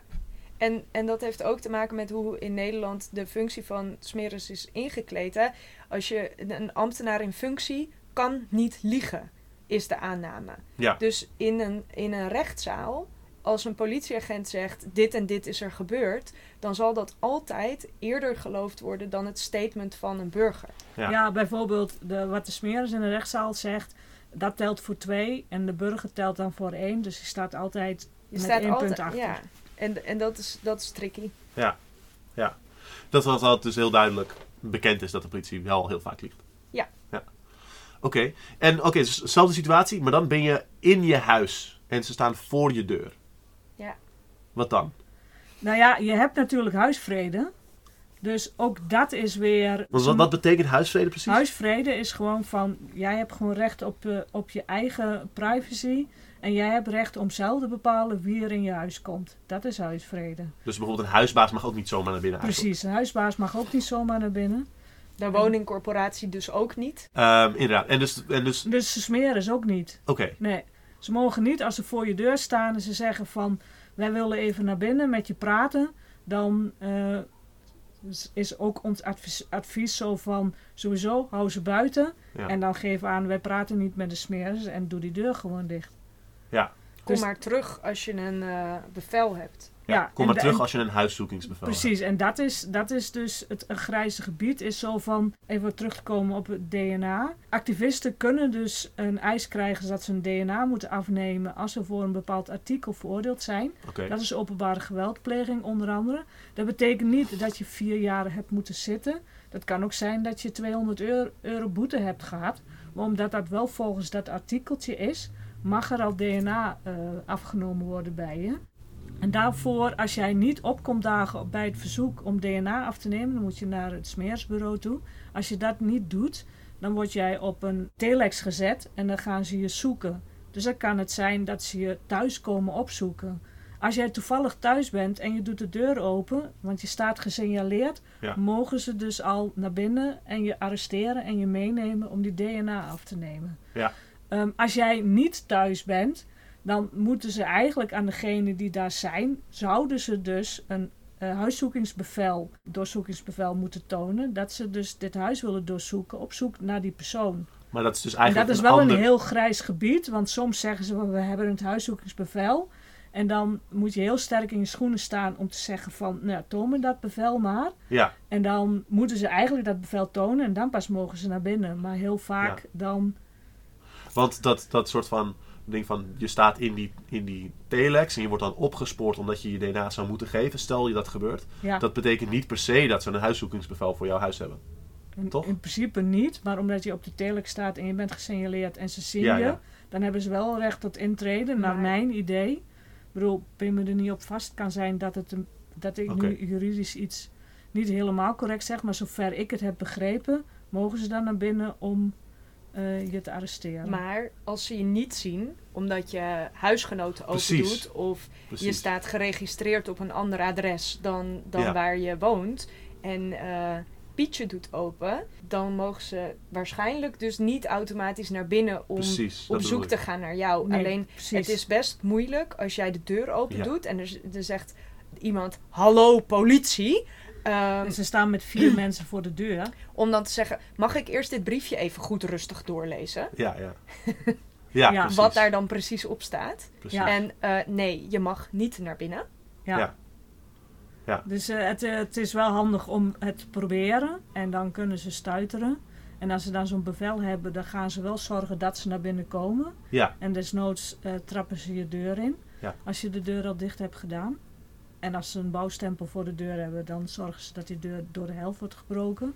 Ze komen wel binnen op Ja. dat moment. Maar ja, ze, moeten, ze mogen het niet zomaar doen. Dus ze moeten een bewijs hebben. En ik denk ook, het, het- wat, wat, wat ik ook belangrijk vind, is het is, het is intimiderend. Ja. Eh, precies wat je zegt. Als er opeens vier politieagenten voor je deur staan, in uniform, met een wapen, ehm, met een, een bepaalde autoriteit die ze uitstralen. Want dat kunnen ze ongelooflijk goed. ja. Ehm, En ze kunnen geen nee accepteren. En ze Nee. snappen niet dat je nee zegt. En ze worden, ze worden boos of, eh, of beledigd. Of, hè, dan, dan is het heel moeilijk om stevig in je schoenen te blijven staan. Schaam je er ook niet voor als dat dus niet lukt. Nee. Ik denk, we moeten eh, als beweging ook de, de soort van schaamtecultuur over dit soort dingen gaan doorbreken. Tuurlijk is het beter als je altijd geen commentaar gaat zeggen. Als je altijd eh stoïcijns een arrestatie, een verhoor of ehm, een, een bezoek aan je deur kan doorstaan. Tuurlijk, dat zou super fijn zijn. Ook gewoon voor jezelf. Ja. Maar als dat niet lukt, om wat voor reden dan ook, dan is dat niet iets om je voor te schamen. En Nee. juist beter om daar open over te praten.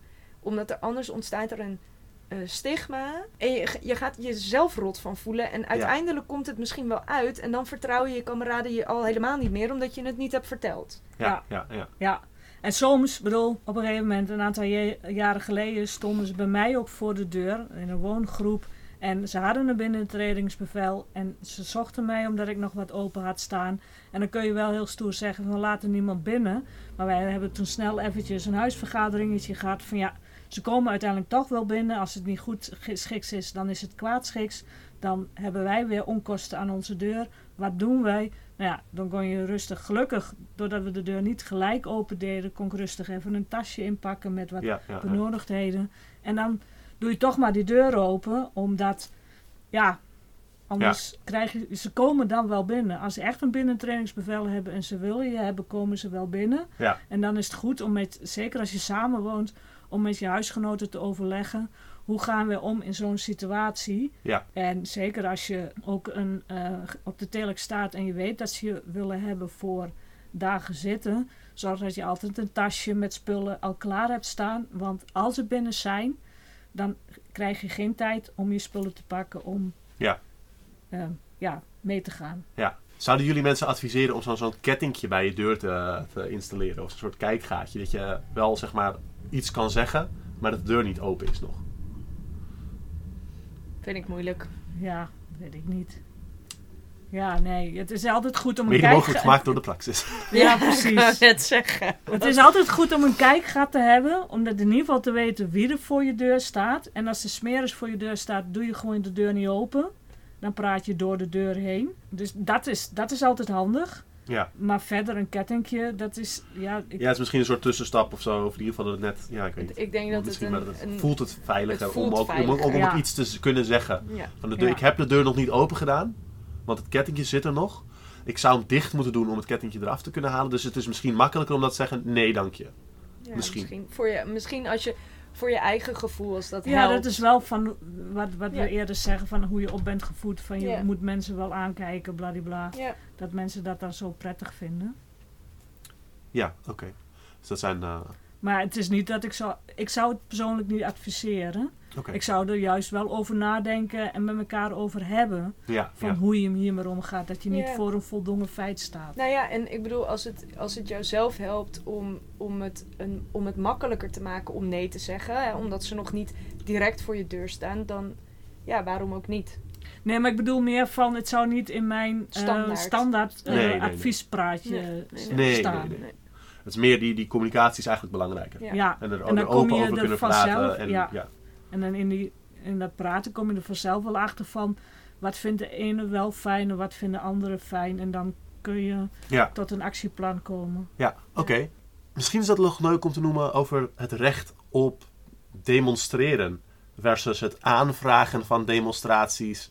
Of het verlenen van dat recht. Het wordt soms wel in opspraak. De burgemeester dat verleent of niet. Hoe, hoe zit Ja, dat nou? Met ja, het grondrecht op demonstreren. Dan, ga- dan gaan wij echt een heel juridisch liberaal pla- praatje houden. ik, ik ga zelfs erover struikelen. Stotteren. Ehm, moeten we dit willen?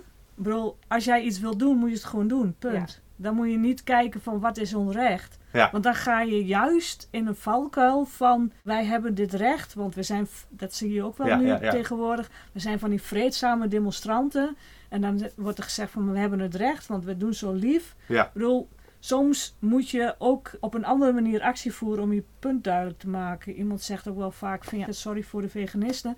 Maar als je een eitje wil bakken, dan moet je wel het dopje breken. Ja, ik bedoel, Ja, Je Dat bent heb je zelf nu. veganist, hè? Ja, dus nu ik mag weet je het. dit Ja, toch. Ja, ja, ja, ja. ja of eh, waar gehaakt wordt voor alle Spaanders. Ik bedoel, soms heb- eh, moet je gewoon dingen doen. En wil juist niet in, dit, Ja. eh, in deze discussie Nee, en belanden dat- van... Datzelfde geldt met politiegeweld. Hè? Er, Hmm. er worden heel veel statements nu geschreven met... Oh jee, de politie was zo gewelddadig. Dat, is, dat mag echt niet. Ja. Hè? Dit, dit is, eh, de- hoe, dit, dit is een mooie term voor. Dus buitenproportioneel politiegeweld. Ja, ja, ja. Dat is het niet. Zeg maar, ui- op, tuurlijk is het het. Elk politiegeweld is buitenproportioneel. Altijd. Alles wat de politie doet is buitenproportioneel. Ze zijn er om de status quo te handhaven. Ze zijn er niet per se voor jouw bescherming. Ze zijn Nee. er voor de bescherming van kapitaal en, en het staat. Ja. Dat is het. Het, het ding is alleen als je het gaat hebben over... Is, hebben zij legitiem zoveel geweld gebruikt? Ja. Ja. Ja. Ja, zij mogen dat. Zij Zij mogen dat. Petra die zei dat net ook. Hè. Ze hebben een monopolie op Ja, het ja. geweld. Ehm, dus ja, ze mogen dat. Op het moment dat jij actie gaat voeren, dan moet je er rekening mee houden dat er politiegeweld gaat plaatsvinden. Natuurlijk is dat verschrikkelijk. Hm. En, en ehm, laten we er. Ik, een van jouw vragen is ook: hè, hoe kunnen we elkaar beschermen? Ja. Laten we ons daarop voorbereiden. Ja. En op het moment dat het bepaalde mensen zwaarder treft.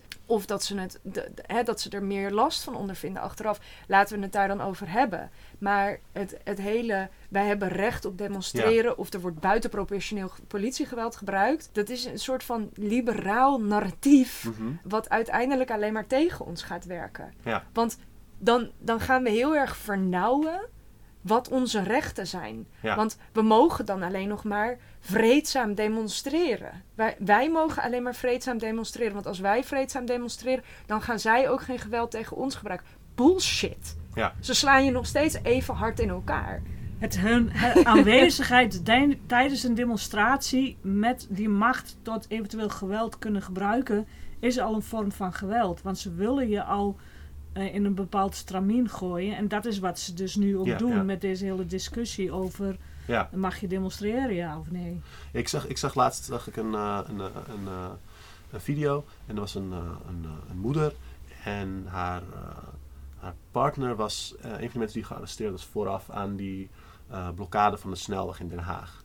Ehm, en zij, zij vertelde een, een ding, was een mo- mooie speech, maar het was, het was van. Ik, van ik, ik probeerde in die speech heel erg te soort van de balans te vinden tussen. Aan, het- het, het was een, was een, was een dochter aanwezig. En een soort van aan dit kind uitleggen hoe het kan dat haar vader, die helemaal niks kwaads in de zin heeft, toch thuis s'nachts wordt opgepakt voordat hij een, een vreedzaam protest gaat doen. Gebalanceerd met eh, wel haar vertrouwen in stand houden dat de politie er is om haar te beschermen. Ja. En, eh, en dat lijkt me ook een heel moeilijk verhaal om te vertellen, moet ik zeggen. Ja, Eh, maar ik zou het niet proberen. Maar Ja, je, maar hoeft, dat je niet, niet je hoeft dat ook niet aan kinderen te vertellen. Nee. Nee. Je hoeft niet aan kinderen uit te leggen dat de politie er is om je te beschermen. Dat is namelijk niet zo. Of misschien alleen maar voor een bepaalde kinderen.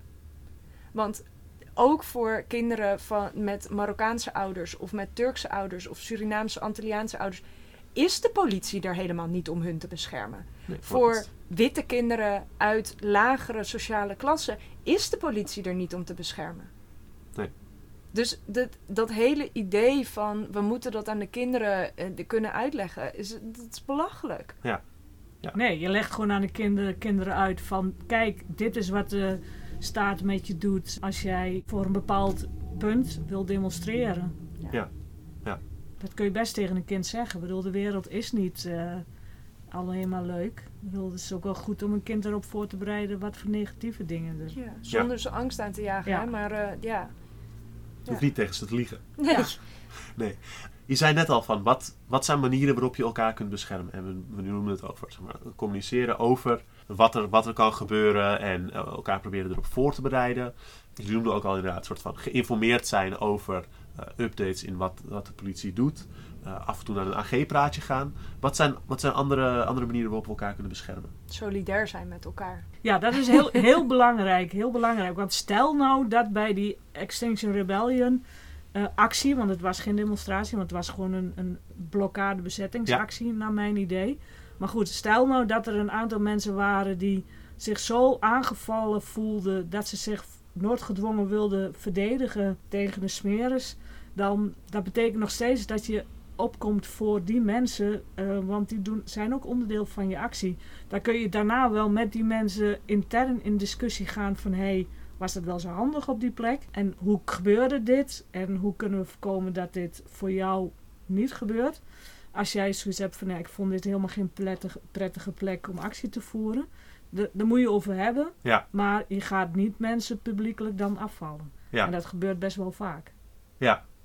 Zeker, zeker nu deze discours, lieve, nette, vreedzame demonstraties. Ten opzichte van, ja, noem het maar, de, de andere groepen. buiten- Radicale extremisten. Ja, we gaan en bij een demonstratie terecht bij eh, multinationals eruit, eh, uit de, eruit slaan.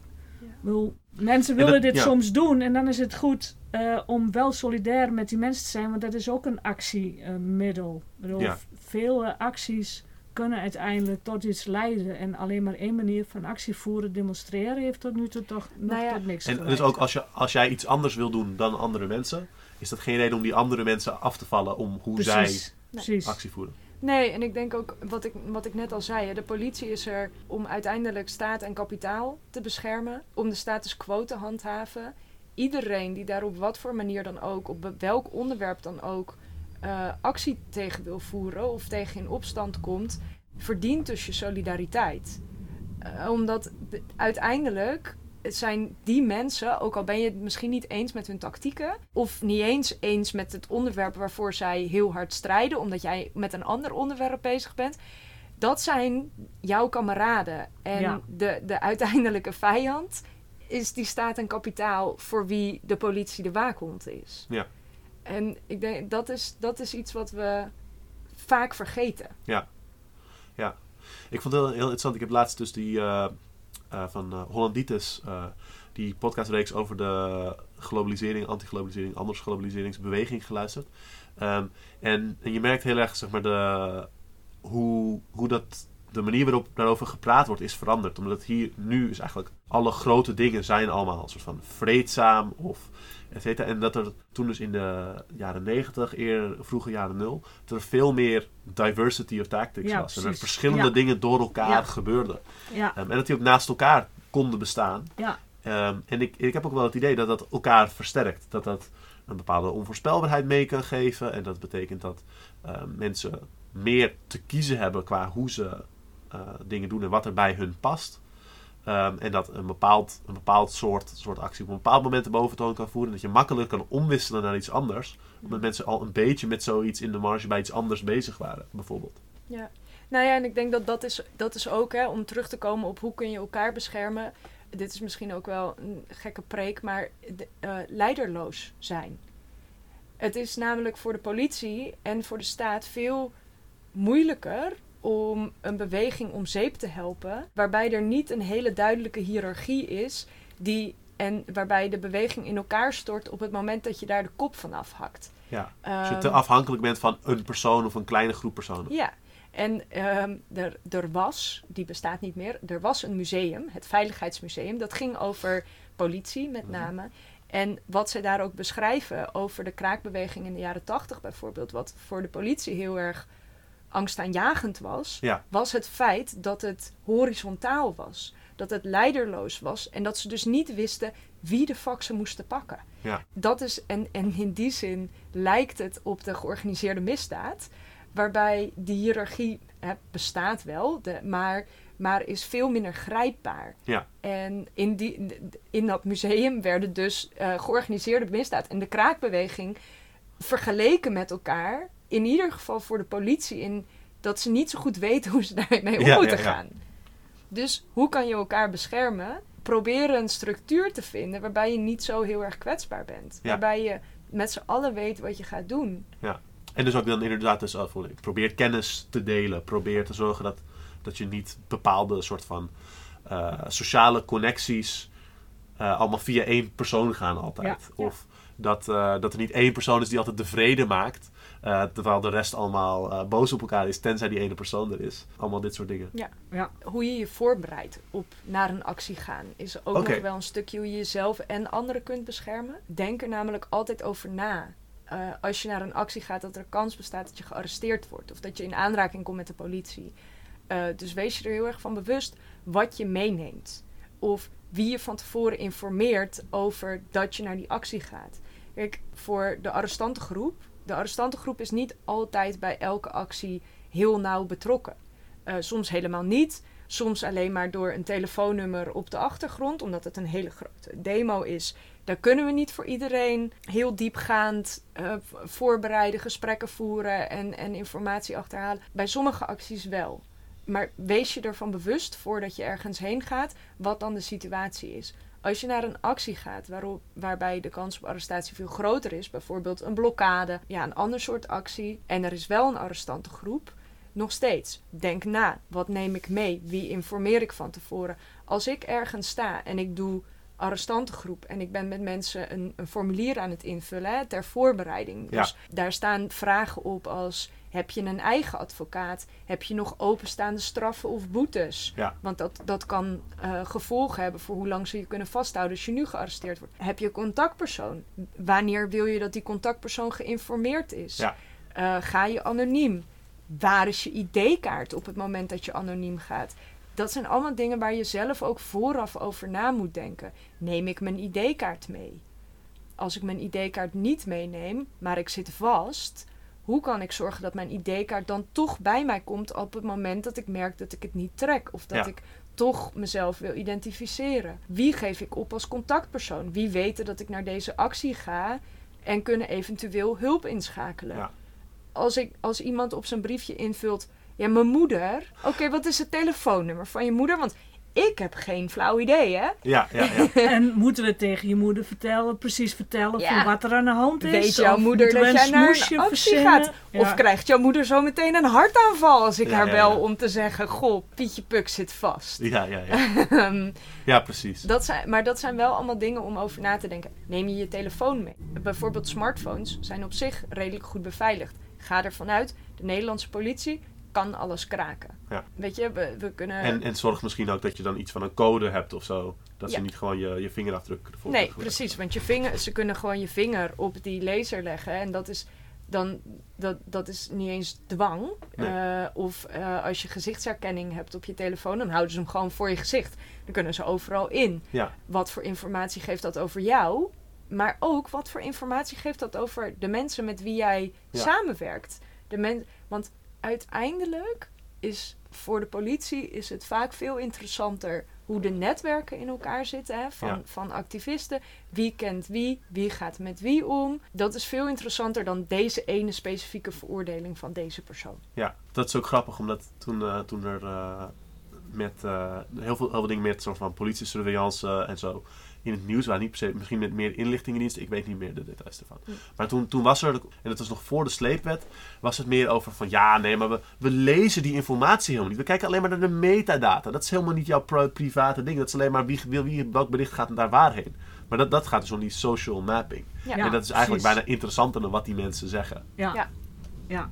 Ja, want het is helemaal niet interessant dat ik met jou berichtjes uitwissel over eh, wat we gaan eten vanavond. Maar het is wel interessant dat wij een connectie hebben. Ja. Want jij komt ergens en ik kom ergens. Goh, hè? Oh, Ja. misschien gaan die twee mensen wel samen een actie voeren. Ja. Dus ik denk in het kader van eh, hoe kan je elkaar en, en ook jezelf beschermen bij arrestatie. En, en als je voor is, is bereid je goed voor.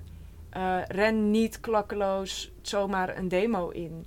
Ja, want de mensen die klakkeloos een demo in ren- rennen en dan opgepakt worden, dat zijn uiteindelijk de mensen die gaan verklaren, maar dan ook over anderen gaan verklaren, of Ja. het niet trekken en dan Ja. ja. rare dingen gaan Ja. doen. Dus ook zeg maar dingen over jezelf zeggen is al erg, maar over anderen Ja, tegen de politie is dan nog vaak nog veel erger. ja. Ja. Want dan is het ook, het gaat, dan gaat het niet over jezelf. Ja. Ehm, en, het is, ja. en het is moeilijk, hè? Want eh, dat, je denkt van tevoren, ik ga echt niks zeggen. Maar dat, je weet dat gewoon niet. Nee. Je weet dat gewoon niet. Nee. Ik, ik bedoel, er zijn misschien uitzonderingen van mensen die, die, die dat al zo vaak hebben meegemaakt, die zichzelf heel goed kennen, die dat die vrij zeker weten dat ze dat nooit zullen doen. Maar ook dan weet je Die- het nooit ja, zeker. maar iedereen kan ook eens een keer een slechte dag hebben, slecht in het vel zitten. Dus dan kun je beter van tevoren zorgen dat je goed voorbereidt en ook denken van, ik voel me gewoon niet lekker om nu een confrontatie met de smeres aan te gaan. Dan weet je gewoon van ja, misschien moet ik niet aan die demo of actie meedoen. Ja. Ja. En dat mag. Bedoel, Ja. Dat is wel belangrijk. Ook, dat is ook weer een stukje solidariteit. Ook elkaars grenzen bewaken en respecteren. En aan de andere kant, hè, we moeten ook oppassen dat, dat we niks meer doen zonder dat er een uitgebreide arrestantengroep is. Ja. Of dat, dat je Ja. alleen maar de hele Ja. tijd nadenkt. Want de mooiste momenten die ik heb gehad, waren, zijn momenten geweest waarbij ik er niet al te veel over na heb Dat gedacht. Want ik waar. achteraf Ja. dacht, Ja. oh mijn god, ik kan me wel voor mijn kop slaan. Dit was echt dom. Maar die heel goed zijn uitgepakt. Want Ja. waar ik aan moest denken is bijvoorbeeld, hoe kan je jezelf en elkaar beschermen? Let op elkaar Ja. tijdens een actie. Zowel mentaal, hoe zit je in je vel, maar ook wat gebeurt er om mij heen. Wees je bewust van je omgeving. Ja. En dat is ook iets, dat kan je ook trainen. Let op elkaar. Ja. Let dus op ook kom, elkaar kom- tijdens als je een... komt met een paar, paar mensen, dat je ook weet van wij passen echt op elkaar. Dat je ook samen dat van elkaar weet en een soort van in, in communicatie wat, wat van elkaar leert. En dat je ook meer het gevoel hebt van oh, ik ben niet gewoon een persoon in een vormeloze massa, maar het bestaat uit, uit groepjes. En dan kun je van kijken, oké, dus daar, daar staat de ME, dit loopt Ja. zo, er is dit aan de hand. En als je, Bewustheid en van als je Ja. ziet dat er met een van je kameraden iets gebeurt, probeer daar dan ook op in te spelen. Hè, als je je daar comfortabel bij voelt. Je kan proberen om iemand te de-arresteren. Ja. Maar dat hoeft niet. Ik Nee. bedoel, als je denkt dat kan ik niet, dat durf ik niet, dan is dat ook oké. Maar je kan het wel proberen. Maar je kan dat alleen maar proberen op het moment dat je let op wat er om je heen gebeurt. En dat, maar, dat is ook, zeg maar dit is al gewoon een vrij extreem voorbeeld. Zeg maar, eh, iemand deed, zeg maar niet heel extreem, maar het is meer... eh, dat is, het dat is al wat eigenlijk niet meer zo- Het is eigenlijk niet zo extreem, maar we maken het wel heel extreem. Ja, en het, het, het, lijkt, ik, het lijkt niet superveel voor te komen. Maar, ik- maar ehm, wat ik bedoel, heel veel laagdrempeliger is er ook bijvoorbeeld... ehm, kijk of er gaten vallen in de groep bij de Ja. demonstratie. Of er gaten vallen waar een ME-lijn tussendoor kan gaan om een groep op te splitsen, bijvoorbeeld. Ja. Dat soort dingen. Lopen we niet te snel voor de mensen achter ons? Is deze banner eigenlijk wel te zien als er mensen aan beide kanten van staan? Ehm, dit, dit, dit soort Ja, dingen. ja. Dat soort bewustheid, dat helpt wel om het gevoel te hebben van... ehm, en een be- besef te hebben van wat er aan de hand is. Ja, en als je... Eigenlijk wordt het te weinig gedearresteerd. maar eh, als je dit gaat doen... Bedoel, het is zo ongewoon. Dat, dat is ook een plotseling iets voor de, voor de smeres natuurlijk. En daardoor, door die plotselinge actie... kun je er wel mee wegkomen. En dan, Heel blij zijn dat het gebeurd is Ja, en dat je niet gearresteerd bent. Ja, Ja, ja, En ja. laten we even wel wezen, Ja, dat is wel het is gewoon niet leuk om gearresteerd te worden. Nee. Ja. Voor Nee. niemand. ja, Nee. Eh, ook als je heel comfortabel bent in je cel en naakt kan gaan zitten mediteren en de smeres eh, alleen maar ongemakkelijk maakt, dan nog steeds is gearresteerd zijn gewoon niet je favoriete bezigheid. Nee, nee, nee. nee, inderdaad. Mooi. Ontzettend bedankt. Ehm, oh, Bureau Jansen, waren jullie iets mee? Ja, een shout-out. Shout-out naar Bureau Jansen. Is dat nog steeds Jansen en Jansen? Of wat is dat? Eh, nou ja, het is, hun website is Bureau Jansen. Aha. Dus ehm, ik denk dat ze daar het beste onbekend zijn. En, Wat is dat? eh, Bureau Jansen is eigenlijk ook weer zo'n eh, groep die lang geleden in leven is geroepen om de inlichtingendiensten en hoe de smeers ook als inlichtingendienst hoe dat werkt. Hoe ja, ehm, bijvoorbeeld eh, infiltranten kijken of actiegroepen infiltranten hebben, hoe dat dan werkt, hoe je ermee om kan gaan.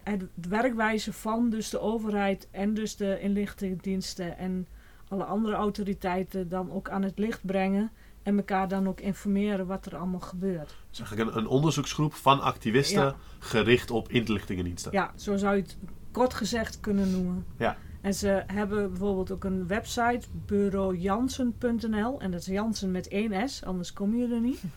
En daar kun je dus, eh, daar hebben ze nieuwsbrieven en daar kun je gewoon van alles. eh, De link komt ook in de... Ja, en het is bureau met B-U-R-O. ja, precies. De, de link komt gewoon onderaan de, onder de podcast. wijze, ja, ja. Bureau Jansen. Maar dus, Ja. zij hebben ook meegeholpen, bijvoorbeeld met het arrestantengroep boekje, wat laatst is uitgebracht. Ja. Ehm, zij zijn een van de, de makers daar ook van. Om ja, ook daarin dus activisten te ondersteunen Ja. eh, ja, met het actievoeren. En niet, dat ze niet door repressie niks meer kunnen doen. Ja, ja. Nou, mooi. Ja, ch- check het. Ehm, als je ze ergens mee kan, kan ondersteunen met een donatie of iets anders, van harte aanbevolen. Ehm, net als voor de AG zelf. Ik heb het heel fijn gevonden. Hartstikke bedankt dat jullie erbij wilden zijn. Ik heb zelf ook een heleboel geleerd. Nou, misschien zo'n eh, zo'n verhoortraining binnenkort. Kijken of jullie daar live precies. zien. Nou ja, ik bedoel, als mensen dit horen, ze kunnen altijd contact met ons opnemen. Want we hebben natuurlijk nog maar de helft verteld. Ja. Vertaalt nog, er is nog genoeg anders te vertellen. En eh, zeker ook met praktische dingen over het gearresteerd zijn. Ehm, wat zijn je rechten in de bak en zo. En wij komen graag bij mensen langs om eh, een AG-praatje te doen. Of hoe organiseer je een arrestantengroep. Ja. Ja, om dus die kennis te delen. En check ook vooral dus de website, want daar staat al een heleboel informatie. Ja, precies. Nou, mooi. Hartstikke bedankt. Ehm, en voor de luisteraars ook eh, leuk dat jullie er weer waren. Eh, tot de volgende keer. En eh, een heel fijne maand gewenst.